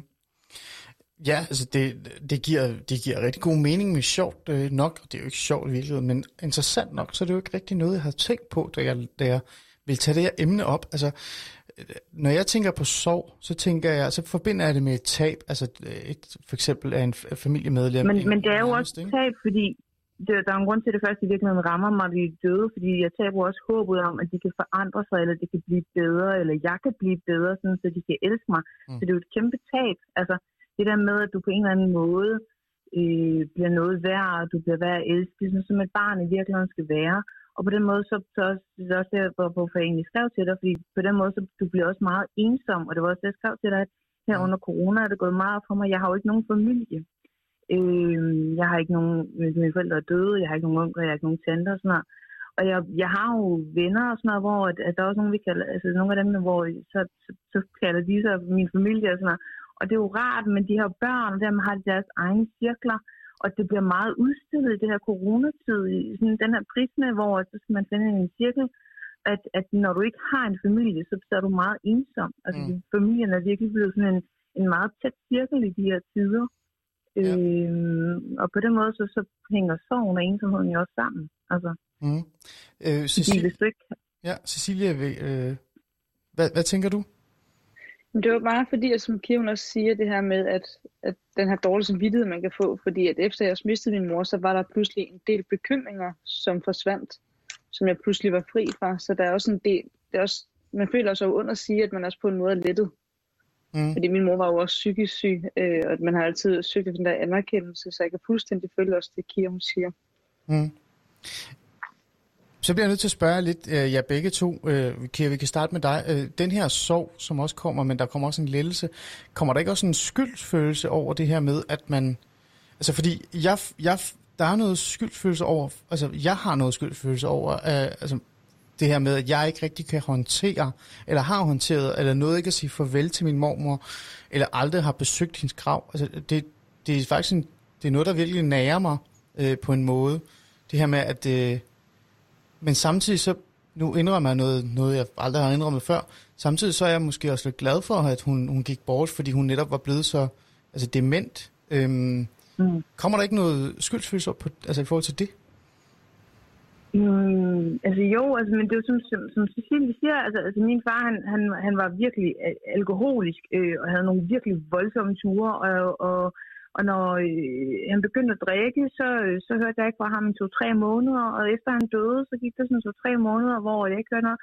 Og så kunne jeg mærke, at jeg havde sluppet for den der angst med, at nu ringer hospitalet eller politiet, om nu har han lige været død, og nu har han et eller andet. Og så kunne jeg mærke den der dælelse, og, så blev, og, så, og, så, og jeg var faktisk noget til det, da min far døde, så jeg blev, jeg blev virkelig altså, ramt af den der skyldfølelse, fordi hvordan kunne jeg tillade mig at blive lettet, Mm. når han var død? Altså, Mm. øhm, og, og, og, og samtidig så var det jo, det var jo en kæmpe befrielse, når, når, når man ikke har den der picture perfect forældre, men, men en forælder, der også er en belastning, selvom man elsker dem på den måde, man nu kan, øh, så var det en lettelse. Mm. Øh, og jeg tror, jeg tror altså, han, han røg ned i ukendtes, øh, og, og det har jeg da ret fint med, at jeg ikke behøver at besøge en grav, fordi at det vil også være lidt forstilt, når man, når, når man ikke har haft, jeg tror også, sorg er svært, når man, når man, når man ikke har haft det der gode forhold til ens forældre, som mm. de fleste har. I, forhold, I har allerede snakket om, at det kan være svært at snakke om. Det er endnu sværere at snakke om, når man har haft det her, hvor at, at folk, man kan ikke engang tale om, at man har haft et dårligt forhold til ens forældre, eller de har behandlet en dårligt. Mm. Så kan de slet ikke håndtere, at hvis man begynder at snakke om, at de så også er døde, og man har det svært med det. Altså, det, det er virkelig ikke noget, man kan tale om, og det bliver virkelig ensomt. Altså. Mm. Jeg bliver nødt til lige at spørge dig her. Øh, jeg har to, to ting, jeg gerne vil have ud af det, før vi, vi siger tak for dig. Øh, den første, det er den her, øh, hvordan har omgangskredsen, altså dem du så kender, dine veninder og sådan noget, venner, mm. hvordan kan de rumme den sorg? Har det været nemt for dem, at, og, altså, kan, har de kunne forstå det og have en accept for det? Øh, ikke rigtig nej altså, at det er jo også det, der har gjort det ensomt. Øh, så er jeg bare lukket ned for det, altså øh, i virkeligheden. Altså jeg tror, øh, det første, altså jeg tror, min far han døde for 13 år siden, det første sidste par år, hvor jeg begyndte at snakke meget mere om det, fordi at, at jeg er blevet mere ligeglad. Øh, og så må folk rumme det, eller, altså ikke jeg snakker så meget om hans død med, men, men mere om hvem jeg er og hvad jeg har været igennem. For ellers har jeg bare lukket ned. Jeg har været meget mandeagtig i forhold til jeres snak tidligere. Ikke? Altså, jeg har ikke talt om følelser, jeg har ikke gjort noget, jeg har ikke, altså, jeg måske, jeg har virkelig heller ikke selv mærket så meget af det. Altså, fordi det har været for svært for mig at håndtere også, fordi jeg ikke har været nogen til at støtte mig i at håndtere de følelser. Mm. Ja. Jeg, jeg vil ønske, at jeg, jeg burde sige, det kan jeg ikke forstå, fordi det er langt ude, men jeg kan faktisk godt forstå det. Og det er jo et, præcis en af grundene til, at vi, altså, jeg netop havde lyst til at tage det her emne op, fordi det er jo, det er jo i bund og grund et, et, et mærkeligt problem at have, som jeg sagde før, at sorg, altså det som vi alle kommer til at gå igennem. Altså alle at vi kan have så svært ved at håndtere det og tale om det. Ikke? Men det er måske netop mm. derfor, det er fordi vi alle kan blive ramt af det, og nogle af os vil ikke tale om det, fordi vi godt ved, at på et tidspunkt kan vi selv stå i det. Øh, det er en meget lang snak, den skal vi ikke tage nu. En sidste ting, jeg gerne vil have ud af dig, før jeg siger tak, for, fordi du vil være med her. Hvad, nu har jeg spurgt Markus, øh, og jeg har jo spurgt også Cecilie i virkeligheden også, øh, og Sofie også, øh, et råd til dem, der lytter med, som er i sorg, eller har svært ved at håndtere det, eller ved ikke, hvordan de skal tale om det. Hele det her, øh, hvad er dit råd til dem? Øh, jamen, det er at give sig selv tid. Altså, jeg troede jeg nærmest, at jeg skulle over det på en uge. Jeg holdt ferie en uge efter min, min far døde, for eksempel. Og så tænkte jeg, at det skulle være over det, fordi det forventede verden også af mig. Øh, og det skal man ikke. Man skal give sig selv tid. Altså, mm. når man stresse sig selv, øh, så gør man bare det hele værre. Okay. Så, så have noget tålmodighed og noget kærlighed til sig selv i processen. Mm. Smukt. Smukke ord. Øh, tak fordi du vil, øh, du vil dele din historie og din, øh, din råd, øh, Kira. Det var en fornøjelse at have dig med. Okay. Øhm, ja, hej. Nå, Cecilie. Øhm, endnu en ja. historie. Øh, ja. Og en, en nuance, må man sige. Hvad, hvad tænker du her? Jeg tænker også, hun har helt ret. Altså, også omkring det råd, hun giver. Altså, det er så vigtigt at sige til sig selv, det er bare okay, at du har en dag, hvor du kan komme ud af sengen. Om det så er en uge efter, et halvt år efter, eller et år efter det, tager simpelthen den tid, det tager. Og man skal bare ikke skynde sig igennem. Altså det, det er ens helbred, det går ud over. Så hvis man er ked af det, så er man altså bare ked af det. Ja. Og der er nogen, der kommer over det hurtigere end andre, men for det meste tager det jo bare et stykke tid, og det er det der med at acceptere, at det er okay. Det kan være svært at acceptere, for det har jeg meget svært ved. Jeg er altid typen, der kunne huske mig, jeg var hurtig til at lære min hjerne er bare ikke det samme, som den var før. Jeg skal bruge lidt længere tid til at lære noget og huske. Mm. Og sådan er det bare. Og det er det jo, når man har været igennem en krise eller en stor sorg. Mm. Så hun har simpelthen ret, og jeg kan godt følge hende det her med at, med at søge anerkendelse af sine forældre, og pludselig er det en lettelse, fordi hvad så nu med politiet, eller ringer de nu igen, man på sygehus eller psykiatrien, og det, det er hårdt at være barn af en, som enten er psykisk syg, eller som havde en alkoholisk far. Ikke? Mm. Ja. Så det, jeg har fuld forståelse for det, og jeg er helt med i samme båd. Ja. Øhm, hvis man skal få dig til, altså det er jo ikke fordi, du ikke har givet gode råd, altså det er jo det, vi har gjort den sidste time, Cecilie. Men hvis du skulle komme med et lille råd øh, her på faldrebet, før øh, klokken bliver Nu er klokken faktisk blevet et, og vi sætter en lille sang på. Hvad, hvad vil dit råd være til dem, der sådan på en eller anden måde sidder her og har lyttet med i forhold til øh, hele den her sorg? Jeg tror vel bare, det er vigtigt at, at sige til sig selv, at det er okay at sørge. Det er okay, hvis du har lyst til at græde, så skal du også græde. Fordi at det der med at holde det inde, så er det bare en tækkende bombe. Og pludselig så er det en dråbe for meget i glasset, og så eksploderer man. Altså så, så falder ens verden bare sammen. Mm. Og det er okay at bede om hjælp. Der er mange, der ikke tør at bede om hjælp, og det er helt okay. Og det er også okay, for eksempel, at du ikke har været over og besøge din mormors grav, fordi det er for stort et skridt for dig. Det tager du, når du er klar. Mm. Sige, det er okay, at du har gjort det nu, fordi at du ikke har været på hendes gravsted, det betyder jo ikke, at hun godt kan se ned til dig, og hun er i dit hjerte. Hvis det giver mening. Ja, det gør det. Så de er jo de er, de er med dig uanset hvad. Altså, så det er okay og mm. være ked af det. Okay, at man lige får gjort det, man ikke kan overskue, fordi du har alt muligt andet på dine skuldre, du skal bære. Sig til dig selv, det er okay at bede om hjælp og snakke med dine venner om det, hvis du har nogen tæt på dig, eller skriv dine tanker ned. Mm. Ja, det er nogle rigtig gode råd. Og med de ord, så tænker jeg, at vi sætter en sang på, som også betyder noget for dig. Uh, Harry ja. Styles, Watermelon Sugar. Siger den noget? Det, det var en af min mors yndlingssange, hvor hun uh, i sine gode dage dansede rundt og fjollede, og så valgte jeg også at... I hendes drømme var hun jo kærester med Harry Styles, så hun var jo helt fjollet med ham. Hold op. ja, så til begravelsen, der spillede jeg også det nummer. Mm. Så det er et stort nummer. Har du selv øh, lyttet til det nummer efterfølgende? Har, det, har, du, har du brugt uh, musikken til på en eller anden måde bare arbejde så på?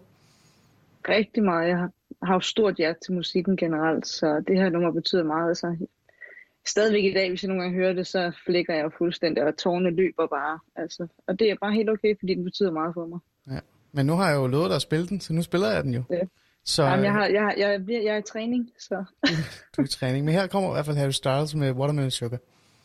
Tak. Tastes like strawberries on a summer evening And it sounds just like a song I want more berries and that summer feeling. It's so wonderful and warm. Breathe me in,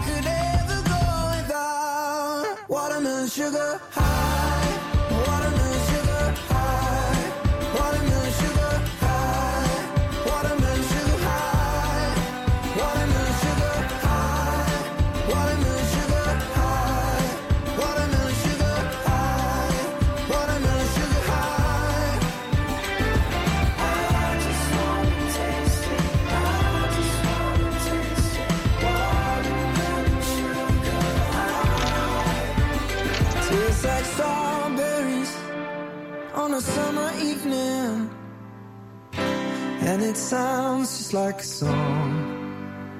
I want your belly and that summer feeling. I don't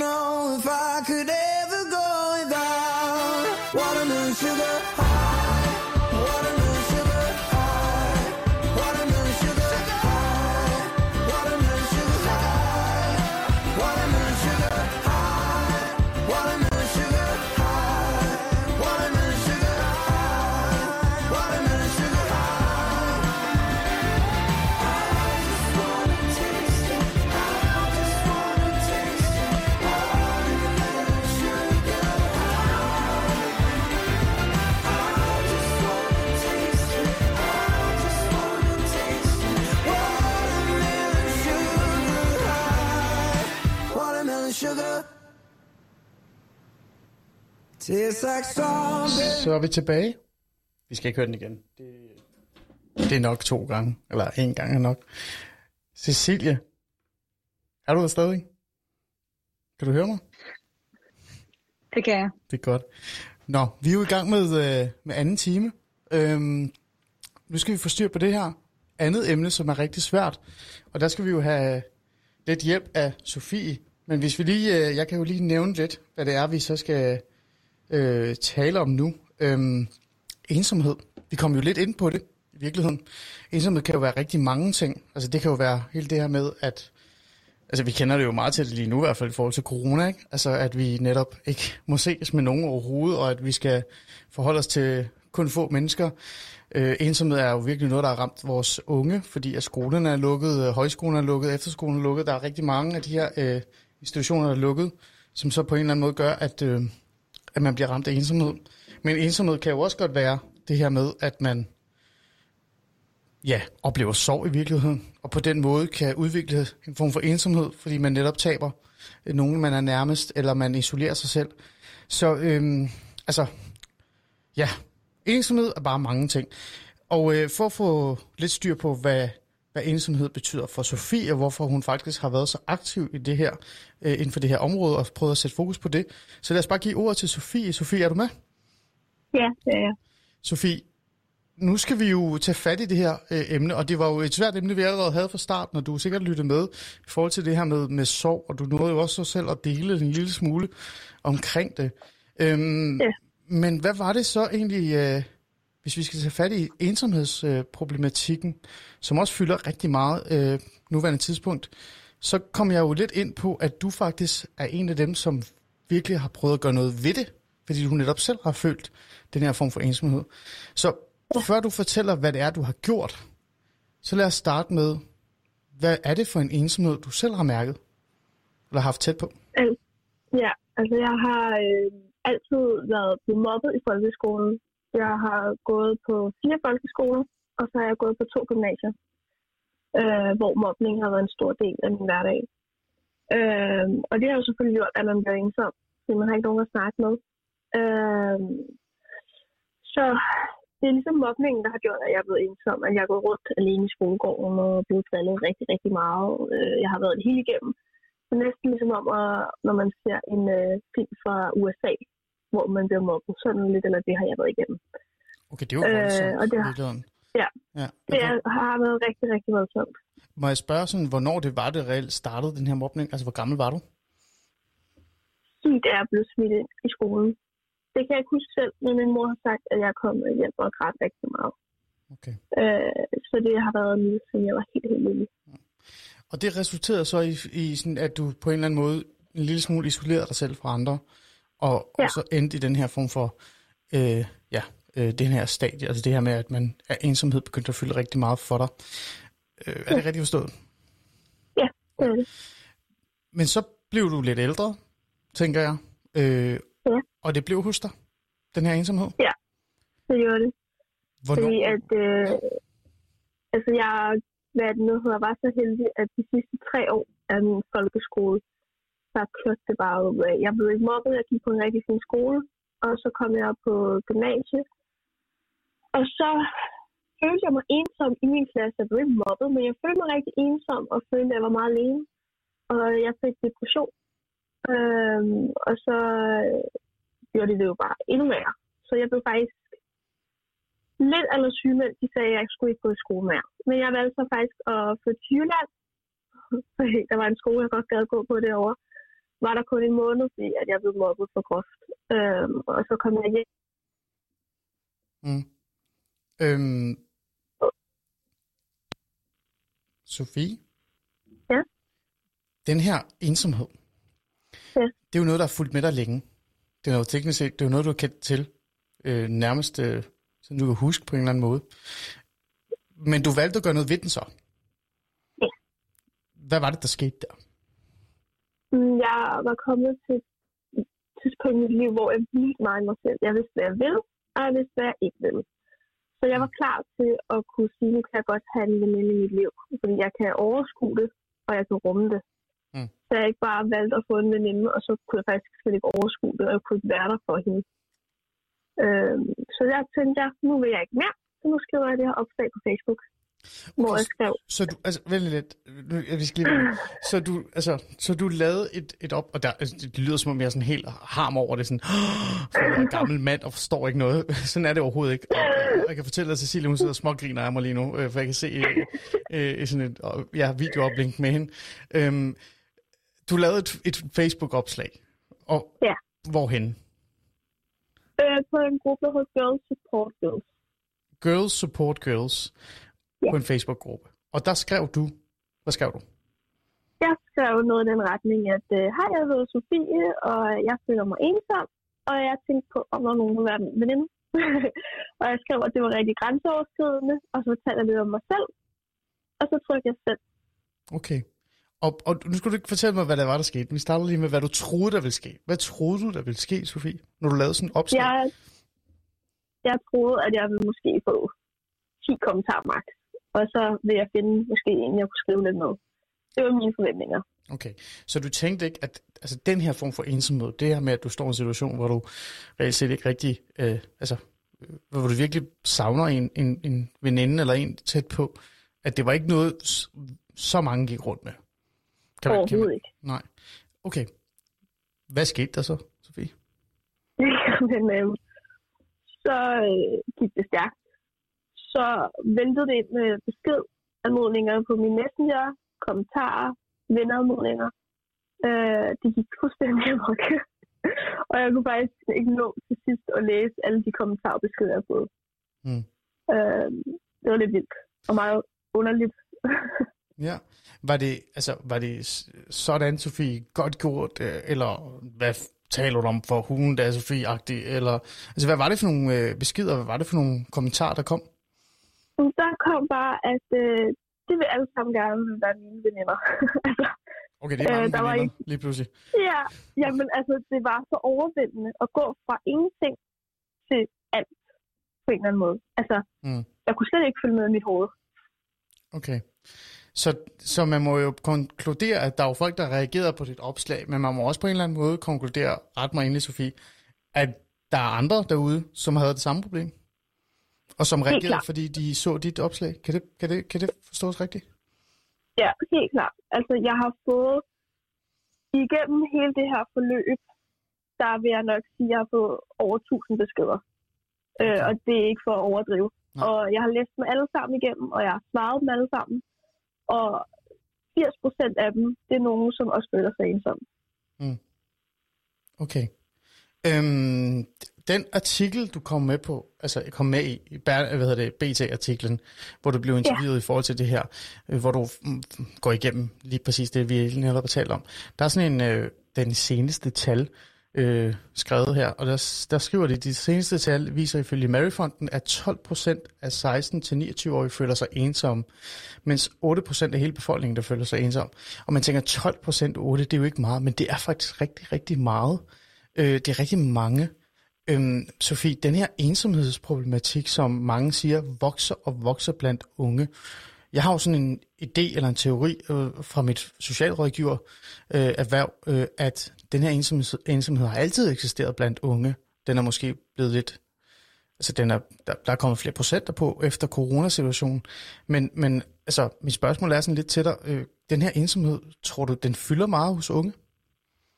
Helt klart. Altså, den fylder så meget, fordi ensomhed er ikke ens betydende med, at øh, du ikke har helt vildt mange venner. Det kan sagtens være, at du er fyldt op med venner og viser rigtig meget på de sociale medier, men det kan godt være, at du bruger dig er mega ensom. Man kan ikke regne med det for det, man ser udefra. Så jeg tror, at alle mennesker går rundt på en eller anden måde og har en, en ensomhed inde i sig, fordi vi er jo mennesker, og det er helt normalt. Øh, så det tror jeg helt klart. Mm. Altså, det lyder interessant, det her med at, at være social og at have et socialt netværk og kende rigtig mange, men være ensom alligevel.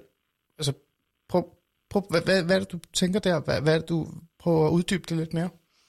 Ja, altså jeg, for eksempel, der er jo mange øh, kendte mennesker, og de viser jo rigtig meget. Og jeg kender nogen, hvor at jeg ved, at de går rundt og har det mega svært og føler sig totalt ensom, fordi alt bare skal være poleret og pænt at kigge på. Og det er det, jeg synes, der er så forfærdeligt, at det skal være så pænt hele tiden, og man ikke kan være sig selv, og det går bare rundt og rundt, og så bliver man bare ensom af det, fordi man, man finder ikke nogen helt til det. Det skal være så overfladisk. Mm. Øh, ja. Mm. Øhm, så det er den her tætte kontakt, den her, det her bånd, man måske har med, med en, en god veninde, eller en ven, eller en, en kammerat, eller det, måske endda også en familiemedlem, der gør, at den her ensomhed på en eller anden måde ikke forsvinder, men i hvert fald bliver mindre. Øhm, ja. Du lavede jo en, øh, altså du gjorde jo mere end at deltage i BT artikel og, og, være, og blive interviewet af Buber, så vidt jeg forstår. Altså, du blev ja. interviewet af Buber, Sofie. Ved du, hvor stort det er for sådan en som mig? altså, jeg er 82, og jeg er vokset op med Buber. Altså, altså der er to ting i mit liv, jeg gerne vil opnå. Det er at være med vild med dans, og nu sidder Cecilia og griner igen, og øh, blive op, altså, interviewet af Buber, ikke? Og du har allerede nået den ene som 19-årig, så tak for det, Sofie. Men, men altså, du gjorde jo mere end det. Hvad var det, du gjorde? Ja. Du lavede en Facebook-gruppe? Ja, det er rigtigt. Øh, Hvad er det, det var faktisk noget første, jeg gjorde. Fortæl ja. lidt om det. Jamen, den hedder Ingen skal være ensom, øh, og den er lavet til alle mennesker. Lige meget, hvordan du ser ud, lige meget, hvem du er, så kan du være med i den. Mm. Og så skriver man et opslag, som jeg har gjort, hvor man skriver, hvem man er, og man faktisk søger nogle venner og veninder, og inde i den gruppe, der er alle, har alle det samme formål med, at de gerne vil finde nogle venner. De føler sig ensomme, eller har det lidt svært. Mm. Og hvordan går det så med det? Altså, er der nogen, der skriver i den, eller er det bare en, en helt uh, tom Facebook-side?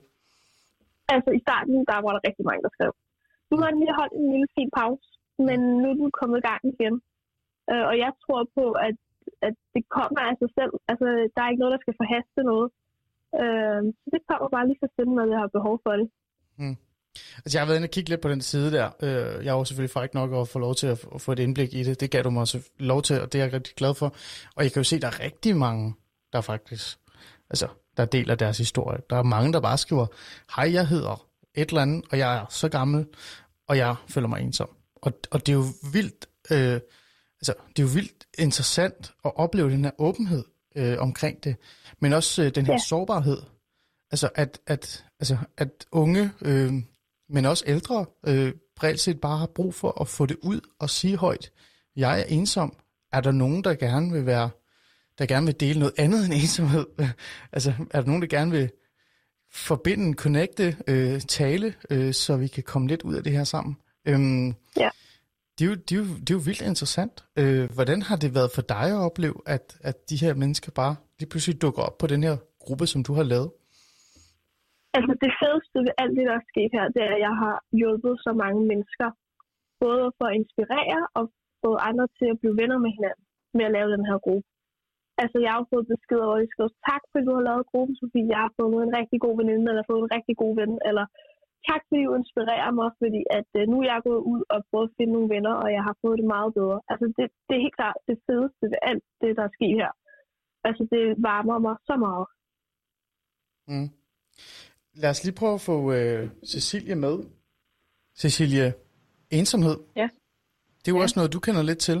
Jeg lagde mærke til, da jeg skrev det her med, at jeg gerne vil øh, øh, tale om ensomhed og have dig med, så var der en eller anden gruppe, der rigtig hurtigt sagde, at det var fedt, at jeg skulle være med øh, mod ensomhed af en art. Hvad er det for noget? Kender du den? Øh, altså, grunden til, at jeg i hvert fald føler ensomhed tæt på, det er, at jeg synes bare, at der er rigtig mange unge, der oplever ensomhed lige nu. Øhm, og det er noget, jeg synes, der skal helt klart skal op i medierne også, fordi det her corona har jo gjort, at unge mennesker ikke kan komme ud også.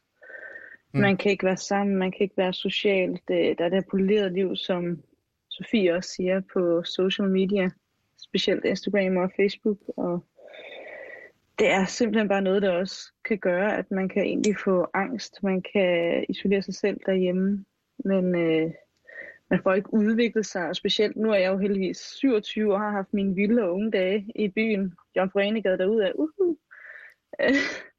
Men øh, jeg kunne slet ikke forestille mig at være de der 17, 18, 19, 20 år. Ikke kunne komme ud, ville være isoleret derhjemme. Skolen foregår på Zoom eller Teams.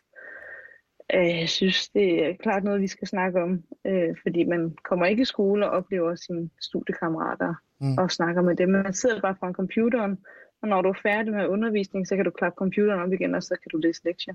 Mm. Og du har ikke alle de aftaler, man er vant til. Øhm, og man får også den her hudsult. Altså, du får ikke det her kram mere. Du får ikke den kontakt, du har behov for som menneske. Vi er jo socialt dyr. Mm.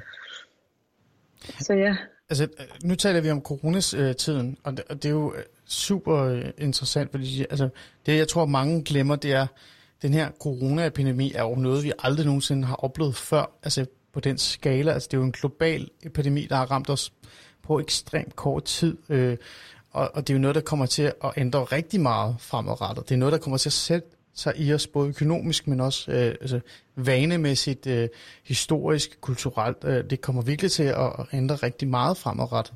Øh, det er jo sådan, sådan vores samfund er, er, altså, øh, har på en eller anden måde øh, justeret. Det er jo fordi, vi er blevet ramt af pandemier og store øh, øh, forskellige øh, hvad hedder, tragedier og hændelser. Ikke? Og det her det er en af dem. Øhm, så ja, det er rigtigt, øh, og det tager vi lige lidt fat på lige om lidt. Men, men Cecilia, den her ensomhed har jo også været der før corona. Og det, det jeg har. føler lidt som om, at den her ensomhed altid i bund og grund har været der. Altså da jeg var øh, social øh, rådgiver, øh, hvad hedder det så, gadeplansmedarbejder, eller helhedsplansmedarbejder hedder det jo så mere rigtigt, i øh, et boligsocialt område i øh, Aarhus, der var der ekstremt meget fokus på ensomhed blandt ældre, men også unge. Mm. Altså vi havde sådan en, en medarbejder, der gik rundt og bankede på dørene, hvis vi kunne mærke, at Grete måske følte sig, altså hvis andre sagde, at vi har ikke set Grete i flere dage, øh, vi skulle være opmærksom på det. Så den her ensomhed, den, det er jo reelt set noget, der ligesom... Øh, det her med sorg kan ramme os alle. Øh, er det noget, vi reelt set bare ikke rigtig har nok fokus på, tænker du? Jeg synes overhovedet ikke, vi har nok fokus på det. Øh, og det er også forkert, at det egentlig er først nu, det bliver åbnet op for, fordi at det corona, det skal op, fordi som du siger, det har jo egentlig altid været der. Og i takt med, at sociale medier bliver altså, det er jo bare en del af de unges hverdag, og man er bare vant til at se, hvordan det kører derudad. Og så kan man jo sidde derhjemme, selv derhjemme og tænke, hvorfor har jeg ikke så mange venner? Hvorfor er jeg ikke ude hele tiden? Og hvorfor sidder jeg ikke med nogen veninder, når de andre gør? Eller ej, nu er de sammen igen uden mig, og så sidder jeg bare herhjemme og ser X-Factor og drikker min cola. Altså, mm. Og så sidder man på en eller anden måde og kan blame sig selv i, hvorfor er jeg ikke sådan? Mm. Eller hvorfor er jeg alene? Ja. Øhm, og det er også det her med, at det er ikke alle, der har. Jeg har jo ikke nogen barndomsveninder eller venner, som, som andre har. Altså, det har jeg aldrig haft. Jeg har aldrig rigtig lært det. Øhm, og så tror jeg, at jeg altid har været meget sensitiv. Så det, jeg blev ikke forstået som barn. Det er simpelthen at forstå, at vi er forskellige psykisk også. Mm. Øhm, og hvad man har med i bagagen. Men det er simpelthen så vigtigt, at det er også okay at være derhjemme at være alene, fordi at folk, der har det her politiske liv på sociale medier, sidder også derhjemme, men det er bare ikke noget, de viser. Mm. Ja, men, øhm. ja, og det er jo det også det, Sofie var inde på, og Sofie, jeg, jeg skal lige have fat i dig lige om lidt. Jeg skal lige, lige spørge en sidste ting her i forhold til med Cecilie. Så det, mm. her, det, det, du slår ned på, det her med ensomhed altid at være der. Øhm, mm altså før i tiden havde vi jo ikke sociale medier, men ensomheden er der, og, og, og du er jo enig med mig i det her med, at vi skal have mere fokus på det.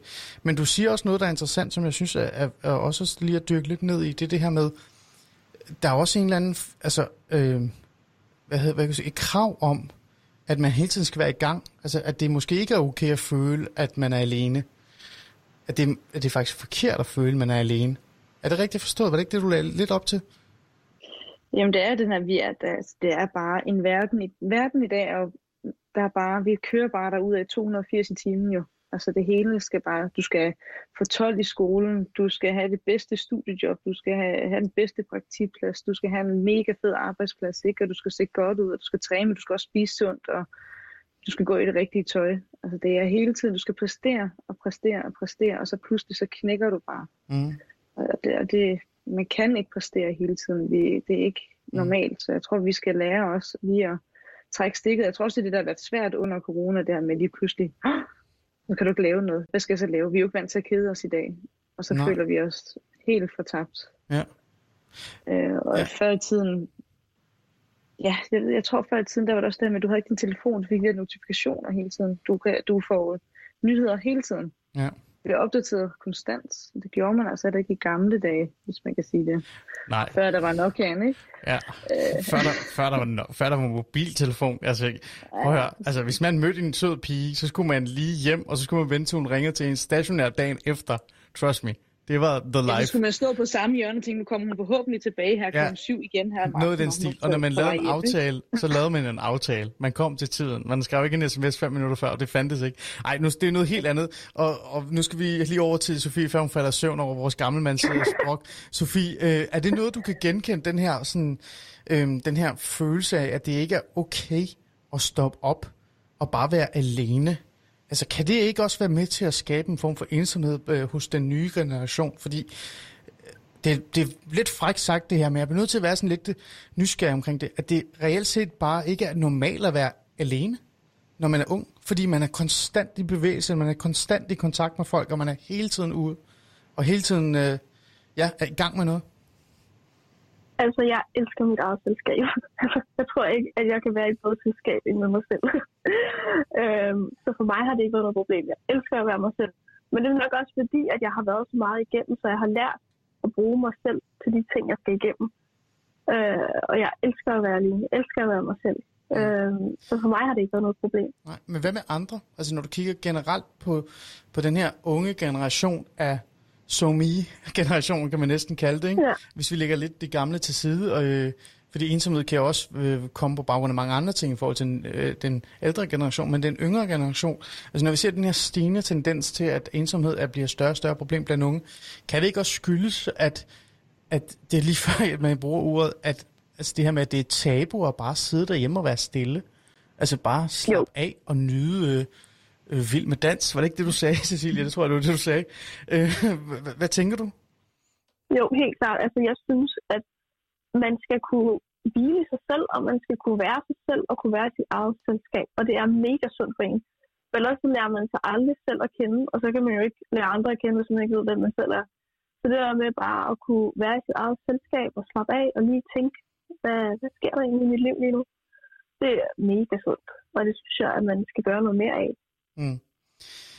Det er jo vigtigt, og det er jo godt, vi siger det. Og det synes jeg også er meget interessant, og det er et eller andet stykke ned i. Fordi reelt set, hvad er egentlig ensomhed? Ikke er ensomhed, altså kan unge, altså når de for eksempel øh, svarer på en, øh, et, øh, et schema, der spørger dem, om du føler dig ensom, er, siger de så ja, fordi de et eller andet sted øh, ikke er altså 24-7 i kontakt med deres øh, gamle veninder og venner, eller hvem det end er, altså, og at de måske har svært ved at bare rumme det her med at være alene og sidde stille i, i deres, øh, deres værelse, eller hvor det end er.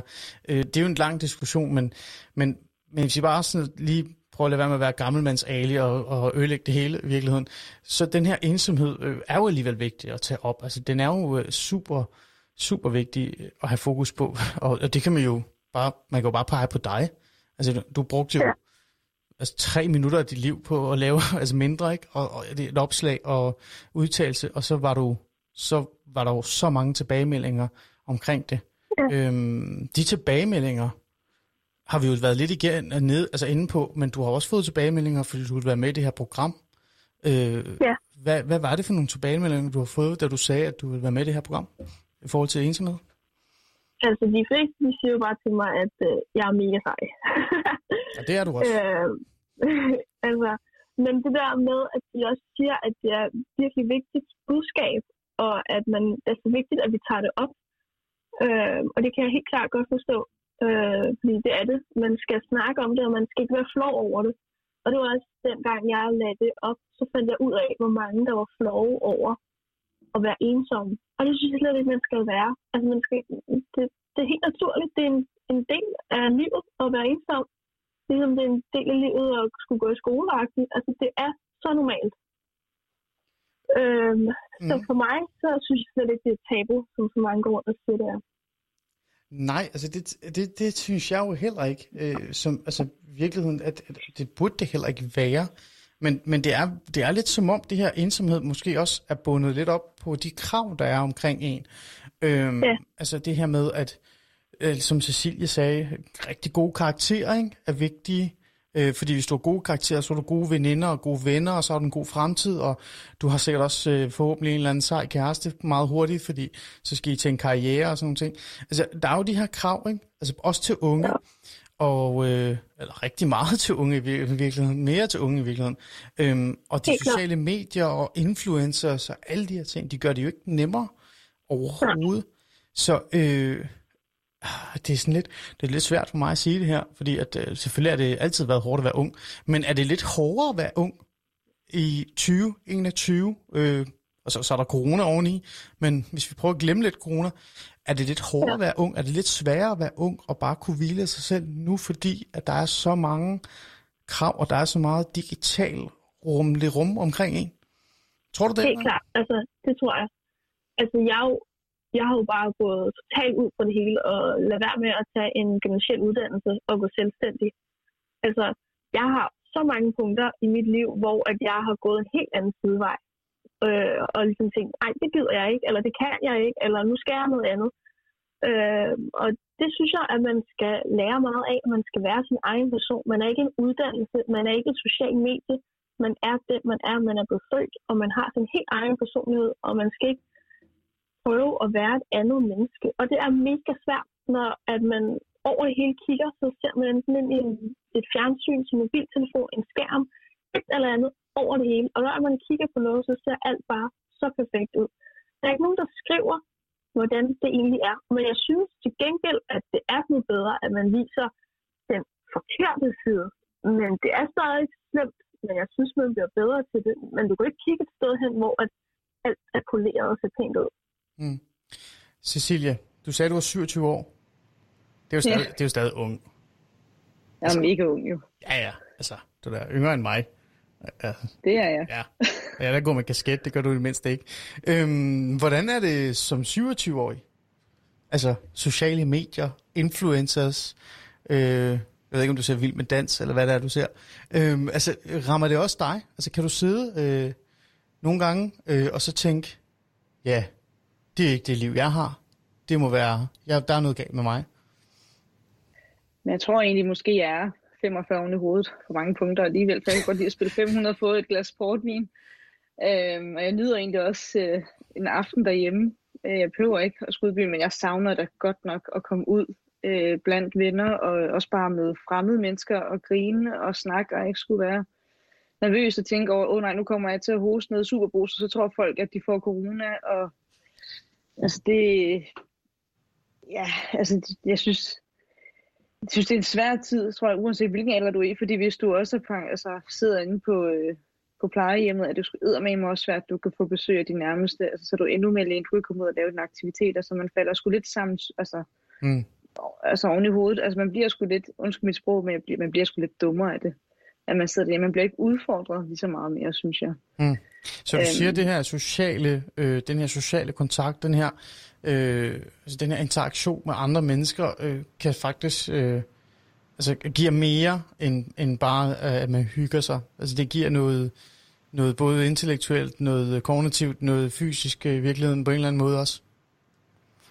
Ja, altså også det, at man, man griner, man også får også lov til at diskutere med hinanden. Man, øh, man lærer jo også af hinanden. Ja. Øh, altså, vi, som, som jeg også sagde tidligere, vi er et socialt væsen. Altså, vi er socialt sammen. Det kan godt være, at vi skal være sammen hver for sig, men jeg synes ikke, det er det samme at sidde bag en skærm. Mm. Synes jeg ikke. Men så åbner øh, du jo op for en lille ting, fordi så, så bliver jeg lidt nysgerrig. Det vi så et eller andet sted også taler om nu, det er, at fordi ensomhed er meget firkantet. Det er sådan lidt, øh, mm. okay, mm. vi skal tale om ensomhed. Jeg sad her i dag øh, ved 12-1-tiden og tænkte, jeg skal tale om ensomhed. Og ensomhed, det er sådan, det er jo ensomhed, ikke? Altså, det er sådan, jeg føler mig ja. alene, jeg har ikke nogen kæreste, jeg har ikke nogen familiemedlemmer, eller jeg har ikke nogen, altså, jeg sidder derhjemme, ja. og det er corona, og jeg, jeg er ikke i kontakt med nogen fysisk. Jeg føler mig ensom. Men det er jo faktisk mere end det. Altså, øh, øh, i bund og grund, så kan ensomhed også komme af, at altså, man kan føle sig ensom, fordi man på en eller anden måde mangler den sociale, øh, hvad kan vi sige, Altså kontakt, interaktion. Altså at, at ensomhed kan også dukke op, en følelse af ensomhed kan også dukke op, fordi man mangler den der udfordring, man mangler den intellektuelle samtale, at, øh, at grine og græde og, og opleve ting. Øh, altså, er det ikke rigtigt forstået? Det er i hvert fald sådan, jeg tænker det. Jeg stod også, jeg skulle have noget forleden, så skulle jeg ud, og så tænkte, kiggede jeg i mit klædeskab, så åbnede og tænkte, gud, hvad skal jeg have på? Jeg har været rundt med joggingtøj i et år nu. Altså, hvad skal jeg gøre? Jeg skal ud og se ordentligt ud, jeg skal have makeup på. Ej, puha, jeg var gået sådan helt i stå og tænkt, hvad er det nu, man gør nærmest, ikke? Altså, mm.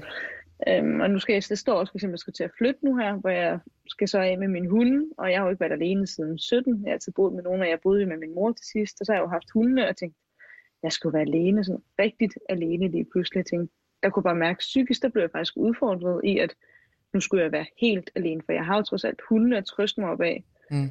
Øhm, hvor jeg så måtte bede os min fætter om at sige, kan du komme over og sove lidt ved mig, eller min veninde, kunne du komme forbi, fordi jeg ved ikke, hvordan jeg reagerer. Det kan godt være, at jeg bare bliver totalt ked af det, eller måske så går jeg bare i sådan en, en mode, hvor man bare arbejder helt vildt, du ved, og så går man bare i gang med at hænge ting op og køre derud af. Så jeg ved ikke, hvordan jeg reagerer på det. Ikke? Mm. Og man ser jo også i den her tid, at folk får jo hundevalpe der ud af. Og det er jo nok fordi, at man sidder alene derhjemme, man tænker, jeg vil gerne have en ven ved mig. Så får jeg mig en hundevalp. Mm. Altså, så tyr man lige pludselig til noget helt andet. Mm. Ja. Øh. ja, det giver, det giver mening, Sofie. Øh, er det noget, du også kan genkende, det her med, at, altså, at, at jeg måske bare sådan er for firkantet øh, i forhold til hvad, min forståelse af, hvad ensomhed er? Ensomhed kan også komme, fordi man bare savner øh, social interaktion og og, øh, og more sig og have det sjovt og, og grine øh, med venner og bekendte?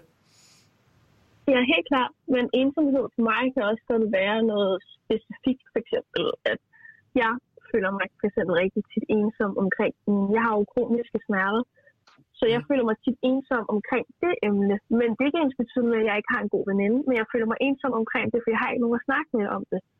Altså for eksempel også nu, når vi har snakket om sorg, man kan føle sig ensom i, at nu er jeg den eneste, som har mistet min mor, og ligesom gå rundt og tænke, jeg føler mig ensom i det, fordi jeg har ikke nogen at snakke om det. Der er ikke nogen, der kan sige, det har jeg prøvet. Så på ensomhed er bare et kæmpe stort perspektiv. Altså, man kan være ensom på så mange måder. Mm. Ja. Øhm, og, og jeg var lige, mens du talte, var jeg lige hen og finde min telefon, fordi at vi har jo nogle historier, jeg har jo fået nogle, nogle, nogle tilbagemeldinger omkring det her med ensomhed, hvad, hvad det betyder for folk. Øhm, der er en, der har skrevet til mig, det er, sådan, det er faktisk en meget sjov ting øh, i virkeligheden. Sådan lidt. Jeg føler mig aldrig ensom i virkeligheden, fordi jeg har vendet mig til, at min mobiltelefon er min ven. Det, det er sådan lidt en, en sjov lille ting, men det var jo det, du var lidt inde på, Cecilie, det her med, at, øh, at når den tigger, så, øh, så føler man, at der er nogle interaktion med andre i virkeligheden, øh, og der sker noget rundt omkring en. Ikke? Mm. Øhm, jeg tror, at det her, den her person lægger lidt op til, fordi jeg prøvede at skrive lidt ind til, hvad det er, du mener, og han skrev sådan, at jamen, altså, du kan altid lave et Facebook-opslag, så skal folk nok reagere. Så føler jeg, at jeg sådan bliver lyttet og hørt til. Så, så der er jo nogen, der sådan, via det digitale medie på en eller anden måde arbejder med den her ensomhed, og på den måde ikke føler sig ensom. Øhm, så er der en her, der har skrevet, at ensomheden rammer mig tit, når jeg øh, både er alene, men også øh, når jeg er ude hos, øh, hvad står der her? Altså til fester, altså det vil sige, at personen kan faktisk føle sig ensom, når de er til fester, fordi de et eller andet sted kan føle sig udenfor, øh, og de ikke rigtig føler, at de er en del af selskabet. Så kan de stå og føle sig ensom. Øhm, ja. ja, hvad siger du, Sofie? Altså det har jeg prøvet en million milliard gange. Altså Nej, det er den værste følelse i hele verden at sidde med 10 andre mennesker, og så sidde ved et bord, og så man bare ikke med i samtale. Altså, jeg får det bare helt dårligt ved tanken. Altså, nej, så har jeg prøvet det mange gange. Og jeg drikker heller ikke. Det er meget sjældent, jeg gør det. Mm. Øh, Men hvad tror du, det skyldes? Altså, hvad tror du, hvad er det, der, der rammer dig, og her også den her person, øhm, som gerne vil være ny, som hedder, vi kan sige, han hedder Torben. Øhm, ja. Hvad, er det, du hvad tænker du? Hvad, hvad er det, der sker der? Altså, hvordan kan man sidde i, altså, midt i et, altså, i et rum fyldt med mennesker, og så alligevel lige pludselig føle sig ensom?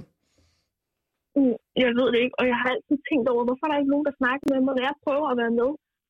Så er det som om, man bare bliver skubbet væk. Og ligesom om, at jeg har fået sådan en regnende sky hen over mig, og sådan har jeg haft det hele livet. Altså sådan, jeg har ikke kunne føle mig tilpas nogen steder. Og når jeg har været steder, så har jeg altid været den, som har gået bagerst, og bare skulle følge med, fordi at nu er jeg jo sammen med dem, så nu må jeg hellere være med. Men jeg har ikke snakket med dem, og jeg har ikke været til stede, fordi jeg har bare været lige meget. Mm. Ja, så den der, altså den der følelse af, at man faktisk ikke hører til, selvom man stadig er der, ja. der kan man også blive ramt ja. ensom. Øhm, Cecilie, du nikker? Ja, 100 Jeg har også selv blevet mobbet i folkeskolen og har aldrig været en del af gruppen overhovedet, så jeg søgte jo til dem, der var ældre, fordi jeg gav op til sidst tænkte, fuck, ja, det gider jeg ikke, det der pigerne var dumme, og jeg blev bare mobbet, og så tænkte jeg bare, jeg er bare typen altid, så har jeg søgt noget andet. Altså mm. jeg tænkte, det skulle ikke få mig ned med nakken, men jeg har bare aldrig kunne knytte mig tæt på nogen, og jeg, så jeg kan jo fuldstændig følge med på den følelse af at stå og tænke, nå, så følger jeg jo bare med gruppen, agtigt, ikke?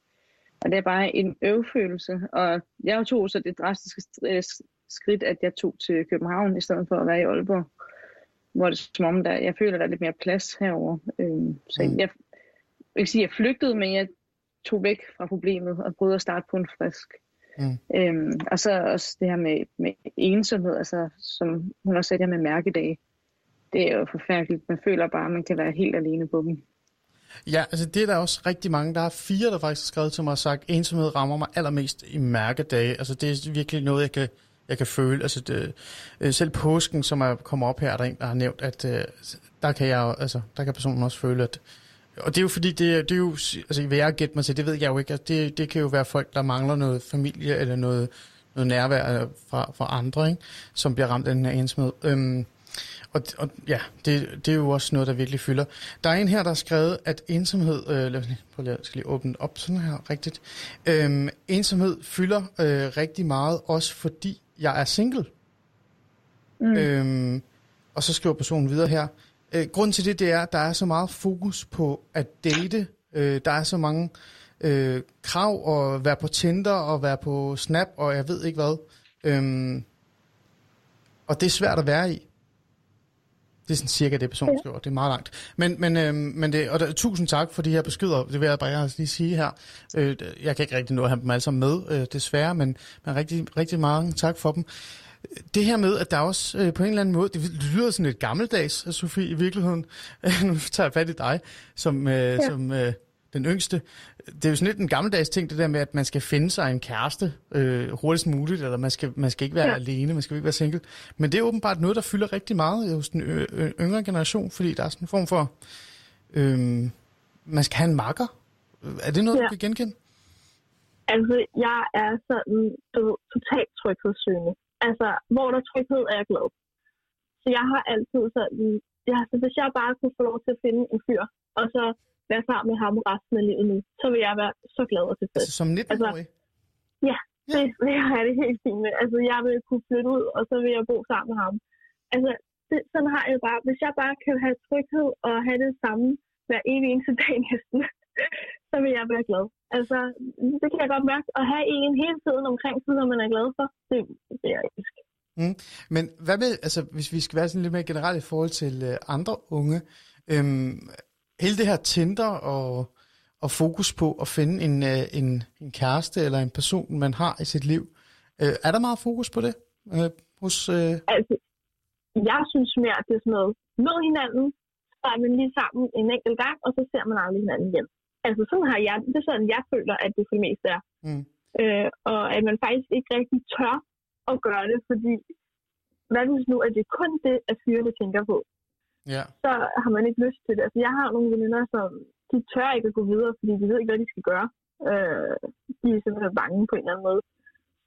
Nej, det, det tror jeg faktisk ikke. Altså, ikke, nu er det ikke, fordi jeg går rundt med en million veninder. Nej, nej, nej, nej. jeg ved ikke rigtig, Nej, hvordan altså- de andre har det. Jamen, jeg, også, jeg, det, det er virke, jeg prøver virkelig at være nysgerrig, fordi det er lidt forskelligt. Altså, jeg ved, øh, altså, at alderens, øh, jeg tror, det er cirka ved, det er faktisk Cecilies alder, det kan være, vi skal spørge hende. Øh, der ved 26-25 års alderen, der øh, er der kommet en større, øh, hvad kan vi sige, lyst eller ønske om at finde en kæreste, øh, og en, man kan sådan være tæt ved. Og, øh, og der, der kommer den her ensomhedsfølelse af, hvis man ikke har en, øh, mm. så er man ensom. Øhm, Cecilie, hvad med dig og dine veninder? Nu sagde du, at du ikke havde ja. så mange veninder, men nu, altså, dem du kender, må man så sige, eller generelt, hvad tænker du der? Jeg sige her på det, altså efter min tur efter fik jeg faktisk veninder, så jeg har nogen nu, som er tætte, men det er, det er ikke over en håndfuld. Det er under.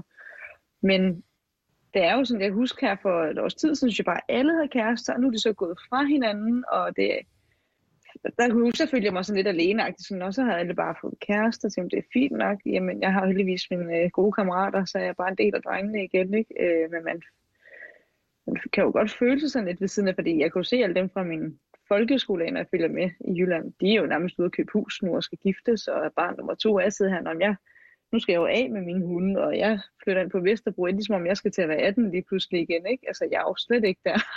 altså, øhm, så jeg tror det også, det kommer an på, hvor bor du henne? Altså, det, altså er du, bor du i storbyen, eller kommer du lidt ude fra landet af, eller Mm. hvad ligesom normerne siger. Øhm, men jeg kan da godt mærke, at jeg er nået en alder nu, hvor jeg nok kan se, at jeg ikke øh, kommer til at være med en del af det her babyboom. For jeg synes, at der er rigtig mange, der har kærester og får bebser ja. nu. Men føler man sig ensom, hvis man er single? Man kan, godt, man, man, kan godt føle sig, man kan godt føle sig udenfor. Er du, er du single? Ja. Øh, jeg er single, Ja. det på jeg siger. Man kan jo godt se en gang imellem, ikke? Altså, men Ah, øh, det- jeg er nej, ikke det var- officielt kæreste det med nogen som helst. Nu, det, det var heller ikke, fordi jeg ville bruge på den måde. er du single? ikke. Altså, Nej. Skriver jo bare, altså, jeg er fri. Cecilie Christensen single. Øh, find hende på Tinder. Øhm, det, er ikke- det, det er ikke det, jeg lægger op til. Det, jeg prøver at sige, det er, øh, kan du mærke noget af den der? Altså, at, altså, Jamen, jeg kan godt føle mig lidt forkert på det punkt, fordi jeg ved ikke, om jeg skal have børn. Det, det, det, Mm. og, altså, fordi at, øh, jeg tror måske, at jeg vil køre på karrieren. Jeg kan godt lide at det politiske. Jeg vil gerne kunne arbejde med andre børn og unge mennesker, og kunne være mentor eller en coach for dem. Ikke? Altså, jeg tror ikke, at jeg skal have børn, også fordi at nu har jeg også min mor og far, der er ikke rigtig nogen til at være der for mine børn, og Øh, så jo, der kan jeg godt føle mig faktisk forkert, og det er også en slags ensomhed at føle, at man står lidt alene med det, eller folk kigger forkert på dig, fordi hvorfor søger du ikke en, at du skal have en partner, eller skal du ikke giftes, eller... mm, ja, okay. Så der kan jeg godt føle mig så forkert på det punkt, jo. Mm. At folk kigger lidt mærkeligt på en, og siger, det er noget mærkeligt noget. Ja. Det er, det er jo lidt specielt, altså, øhm, og nu, nu har jeg været sådan helt stille og bare blevet med at, sådan at spørge jer, øh, men det er jo mig, der er manden her, og, det, og ja, vi havde jo faktisk to øh, lyttere, der havde skrevet, som var mænd. Den ene, han skrev bare, at han var tilfreds med sin mobiltelefon. Det er nok, fordi han har Tinder på den, tænker jeg åbenbart sikkert. Det, det er nok igen noget andet. Men, men altså, jeg som, øh, som mand, øh, nu er jeg jo alderspræsident, øh, ja, hvor godt det så end er, og, og jeg må jo indrømme, at jeg har jo også i ny og følt mig ensom. Øhm, altså, og, og jeg er sådan lidt, det er en sjov type, jeg er. Jeg er i virkeligheden sådan meget ekstrovert, men det er noget, jeg har lært. Jeg har tillært mig at være ekstrovert. I virkeligheden så er jeg meget mere introvert, og meget, altså meget glad for at være alene, og kan virkelig godt lide at være i mit eget selskab, og jeg nørder rigtig mange, rigtig mange ting. Men, men jeg kan godt sidde i, i, altså jeg kan godt sidde til en kæmpe fest og føle mig ensom. Jeg kan også øh, lige pludselig mærke, at den her ensomhed, den sådan krummer op i mig, fordi jeg sådan på en eller anden måde føler mig forkert, eller ikke forstået, eller mangler social kontakt. Så, så vi mænd bliver også ramt af den samme ensomhed. Jeg tror faktisk, at, eller jeg ved faktisk, fordi jeg har været med til at starte sådan noget, som hedder Mænds Mødesteder i, i, i hvad hedder det, Midtjylland en gang for noget tid siden, at vi mænd har ekstremt svært ved at takle ensomhed. Altså virkelig, virkelig ensom. Altså er svært ved det, fordi øhm, den her ensomhed er meget, altså kan, på en eller anden måde ødelægger vores macho-identitetsfølelse, fordi vi skal jo netop ikke føle os ensomme, fordi vi har jo alle vores venner, vi spiller fodbold eller håndbold eller et eller andet med, og vi har jo øh, de- alle de damer, vi skruer, og sådan, altså, der, er sådan, der er hele tiden den der form for, vi er jo altid i kontakt med nogen, og vi er altid i gang med noget, og vi, kan jo ikke vise, vi må ikke vise vores svage sider. Men ensomhed rammer rigtig meget mænd. Øhm, det jeg lagde mærke til for eksempel, det var, at når folk, eller når mænd blev skilt, eller havde svært ved at forstå det andet køn, eller have svært ved at være i faderrollen, øh, alle de her svære ting, øh, øh, som mænd åbenbart siger, det er nemt, men de er meget svære. Øh, det var der, hvor ensomhed ramte dem allermest. Altså, det var der, hvor de virkelig følte, at de har tabt. Øh, og, og der kom den her ensomhedsfølelse, og, og det var så svært, at altså, at det er så svært, kan man sige det på den måde, det er, altså, at forskellige kommuner og regioner og, og institutioner har faktisk besluttet sig for at lave sådan indsatser omkring det, øh, lave særtilbud så, og for at hjælpe mænd, fordi de har så svært ved at håndtere ensomhed. Øhm, men der må jeg jo på en eller anden måde øh, øh, spørge jer om, om det her med, nu skal vi komme hen ind på de her råd her til sidst. Øhm, jeg har jo sådan en idé om, at ensomhed er nemmere at håndtere og tale om, når man er kvinde. Øhm, mm. Man kan også lettere være i det, og være ensom som kvinde. Øh, er jeg helt galt på den der, Sofie? Øh, altså, jeg er typen, der er sådan, på en eller anden måde, så er der ikke forskel på mænd og kvinder. Selvfølgelig, hvordan man ser ud. Det er jeg klar over. Men på den måde, så har jeg altid tænkt sådan, der skal ikke være nogen forskel. Altså, jeg er selv mega drenget, og jeg har altid klikket allerbedst med fyre. Mm. Øh, og du ved, jeg har sådan lidt, prøv at det, det er okay, og der skal være plads til alle, og for mit vedkommende, så er jeg fuldstændig ligeglad, om du er mand og føler dig ensom. Altså, det skal der også være plads til. Der skal være plads til det hele, og det er også for eksempel alt muligt, som man siger, at det drenge, de skal gøre det her, og piger, de skal gøre det her. Nej, sådan skal det ikke være. Vi skal gøre det, vi har lyst til, og vi skal være dem, vi er. Så for mig, så synes jeg, det er noget værd noget. Mm. ja. Ja, Cecilie, hvad tænker du? Jeg tænker, at øh, grunden til nok mænd ikke er lige så åbne som kvinder er, fordi kvinder er bare med i et med sine følelser, og mænd har altid skulle være den her macho. Det skulle have været en mand. Han viser ikke følelser. Og det ligger bare så langt tilbage, og der er ikke rigtig nogen mænd, som snakker højt omkring det. Mm. Så det er jo faktisk et tabu, vi skal bryde blandt mænd. Og det mm. tager altså bare lang tid at bryde en norm. Og mænd er ikke vant til at snakke om følelser. Øh, og det, det gør mig bare så ked af det, at vi ikke er bedre til det. Øh, jeg håber, det kommer med tiden. Så ja, man oplever det, og jeg synes også, som Sofie siger, det er jo noget fjolleri, at de ikke bare åbner munden og siger, hvad I tænker. Jamen, jeg, jeg, jeg beslutter mig bare for at skille mig selv ud, når det her afsnit er færdigt. øh, men, men jeg vil gerne bare sige på, at der var faktisk et par mænd, der havde skrevet, at de vil bare ikke lige ringes op. Jeg prøvede alt, hvad jeg kunne. Det var sådan, nej, nej, nej, nej, nej jeg skal i seng tidligt. Og jeg var sådan, nej, det skal du ikke. Du skal ikke i seng tidligt. Men det er fair nok. Du har ikke lyst til at være med. Forståeligt nok. Øhm, ja, vi er, jo, øh, vi er jo som småt ved at komme altså, til runde af. Vi skal jo faktisk runde af. Vi skal jo slutte af. Vi skal også nå at høre en sang fra dig, Sofie. Nu, ja. nu har Cecilie jo fået lov til at spille en sang. Øhm, her øh, på falderæbet, øh, kort, hvis man skulle give nogle råd øh, til, til dem, der lytter med omkring ensomhed. Øhm, vi har jo været rundt omkring det, altså vi har faktisk været rigtig godt omkring det. Vi har været inde på, hvad ensom kan være, hvad det kan skyldes. Øh, vi har også været inde på, at jeg er for firkantet, når jeg tænker på ensomhed, øh, og vi har også, været, vi har også talt om det her med, at mænd har svært ved ensomhed, øh, og kvinder også kan have det, øh, og det kan være både det her med at date og ikke date, men alle mulige andre ting. Så hvad er egentlig rådet, altså, når du sidder der og føler dig ensom? Altså, jeg tænker, Sofie, det første, du siger, det er sikkert, at man skal ind melde sig til din Facebook-gruppe. Det ved vi godt. Det, det, er, det, det må du godt sige rigtig hurtigt, hvis det er. Men, men dernæst, når man så har meldt sig ind i Sofies Facebook-gruppe og har delt sin historie, hvad gør man så, Sofie? Inden man overhovedet vælger at være inde i min gruppe, så skal man hvile sig selv, og man skal vide, hvad man vil og hvad man ikke vil. Man skal stå ved sig selv. Mm. Øh, for ellers så kommer du ingen vej. Altså, det, det gør man bare ikke. Øh, så man skal være glad for sig selv, og man skal hvile sig selv, og man skal være klar til at åbne op og finde nogle nye venskaber. Øh, og så kan man komme ind i min gruppe, som hedder Ingen skal være ensom. Så kom den. og, øh, ja. og så skal man være åben, som sagt, fordi at hvis du ikke er dig selv, så kan du ikke skrive det opslag. Og der er mange, der skriver til mig, kan du ikke hjælpe mig? Nej, du er ikke klar til det, hvis du ikke selv kan gøre det. Mm. Øh, så det skal man gøre, og så skal man bare være mega badass og vide, at man er mega sej. Og det er okay at være ensom. Og man skal give plads til at være ensom. Man må godt være ensom en gang imellem. Og så skal man bare gøre noget ved det, fordi du skal ikke gå rundt og have ondt af dig selv. Du skal ikke mm. gå rundt og sige, ej, jeg er ensom hele tiden, og uh, det ene og andet. Nej, du skal gøre noget ved det. Det er okay. Mm. Øhm, så ja. Ja, det er jo super gode råd. Øh, Cecilie, har ja. du nogle øh, råd her på falderæbet? Altså, ensomhed er, som vi snakker om, er et vidt begreb, men igen det her med at sige, at du ikke er alene.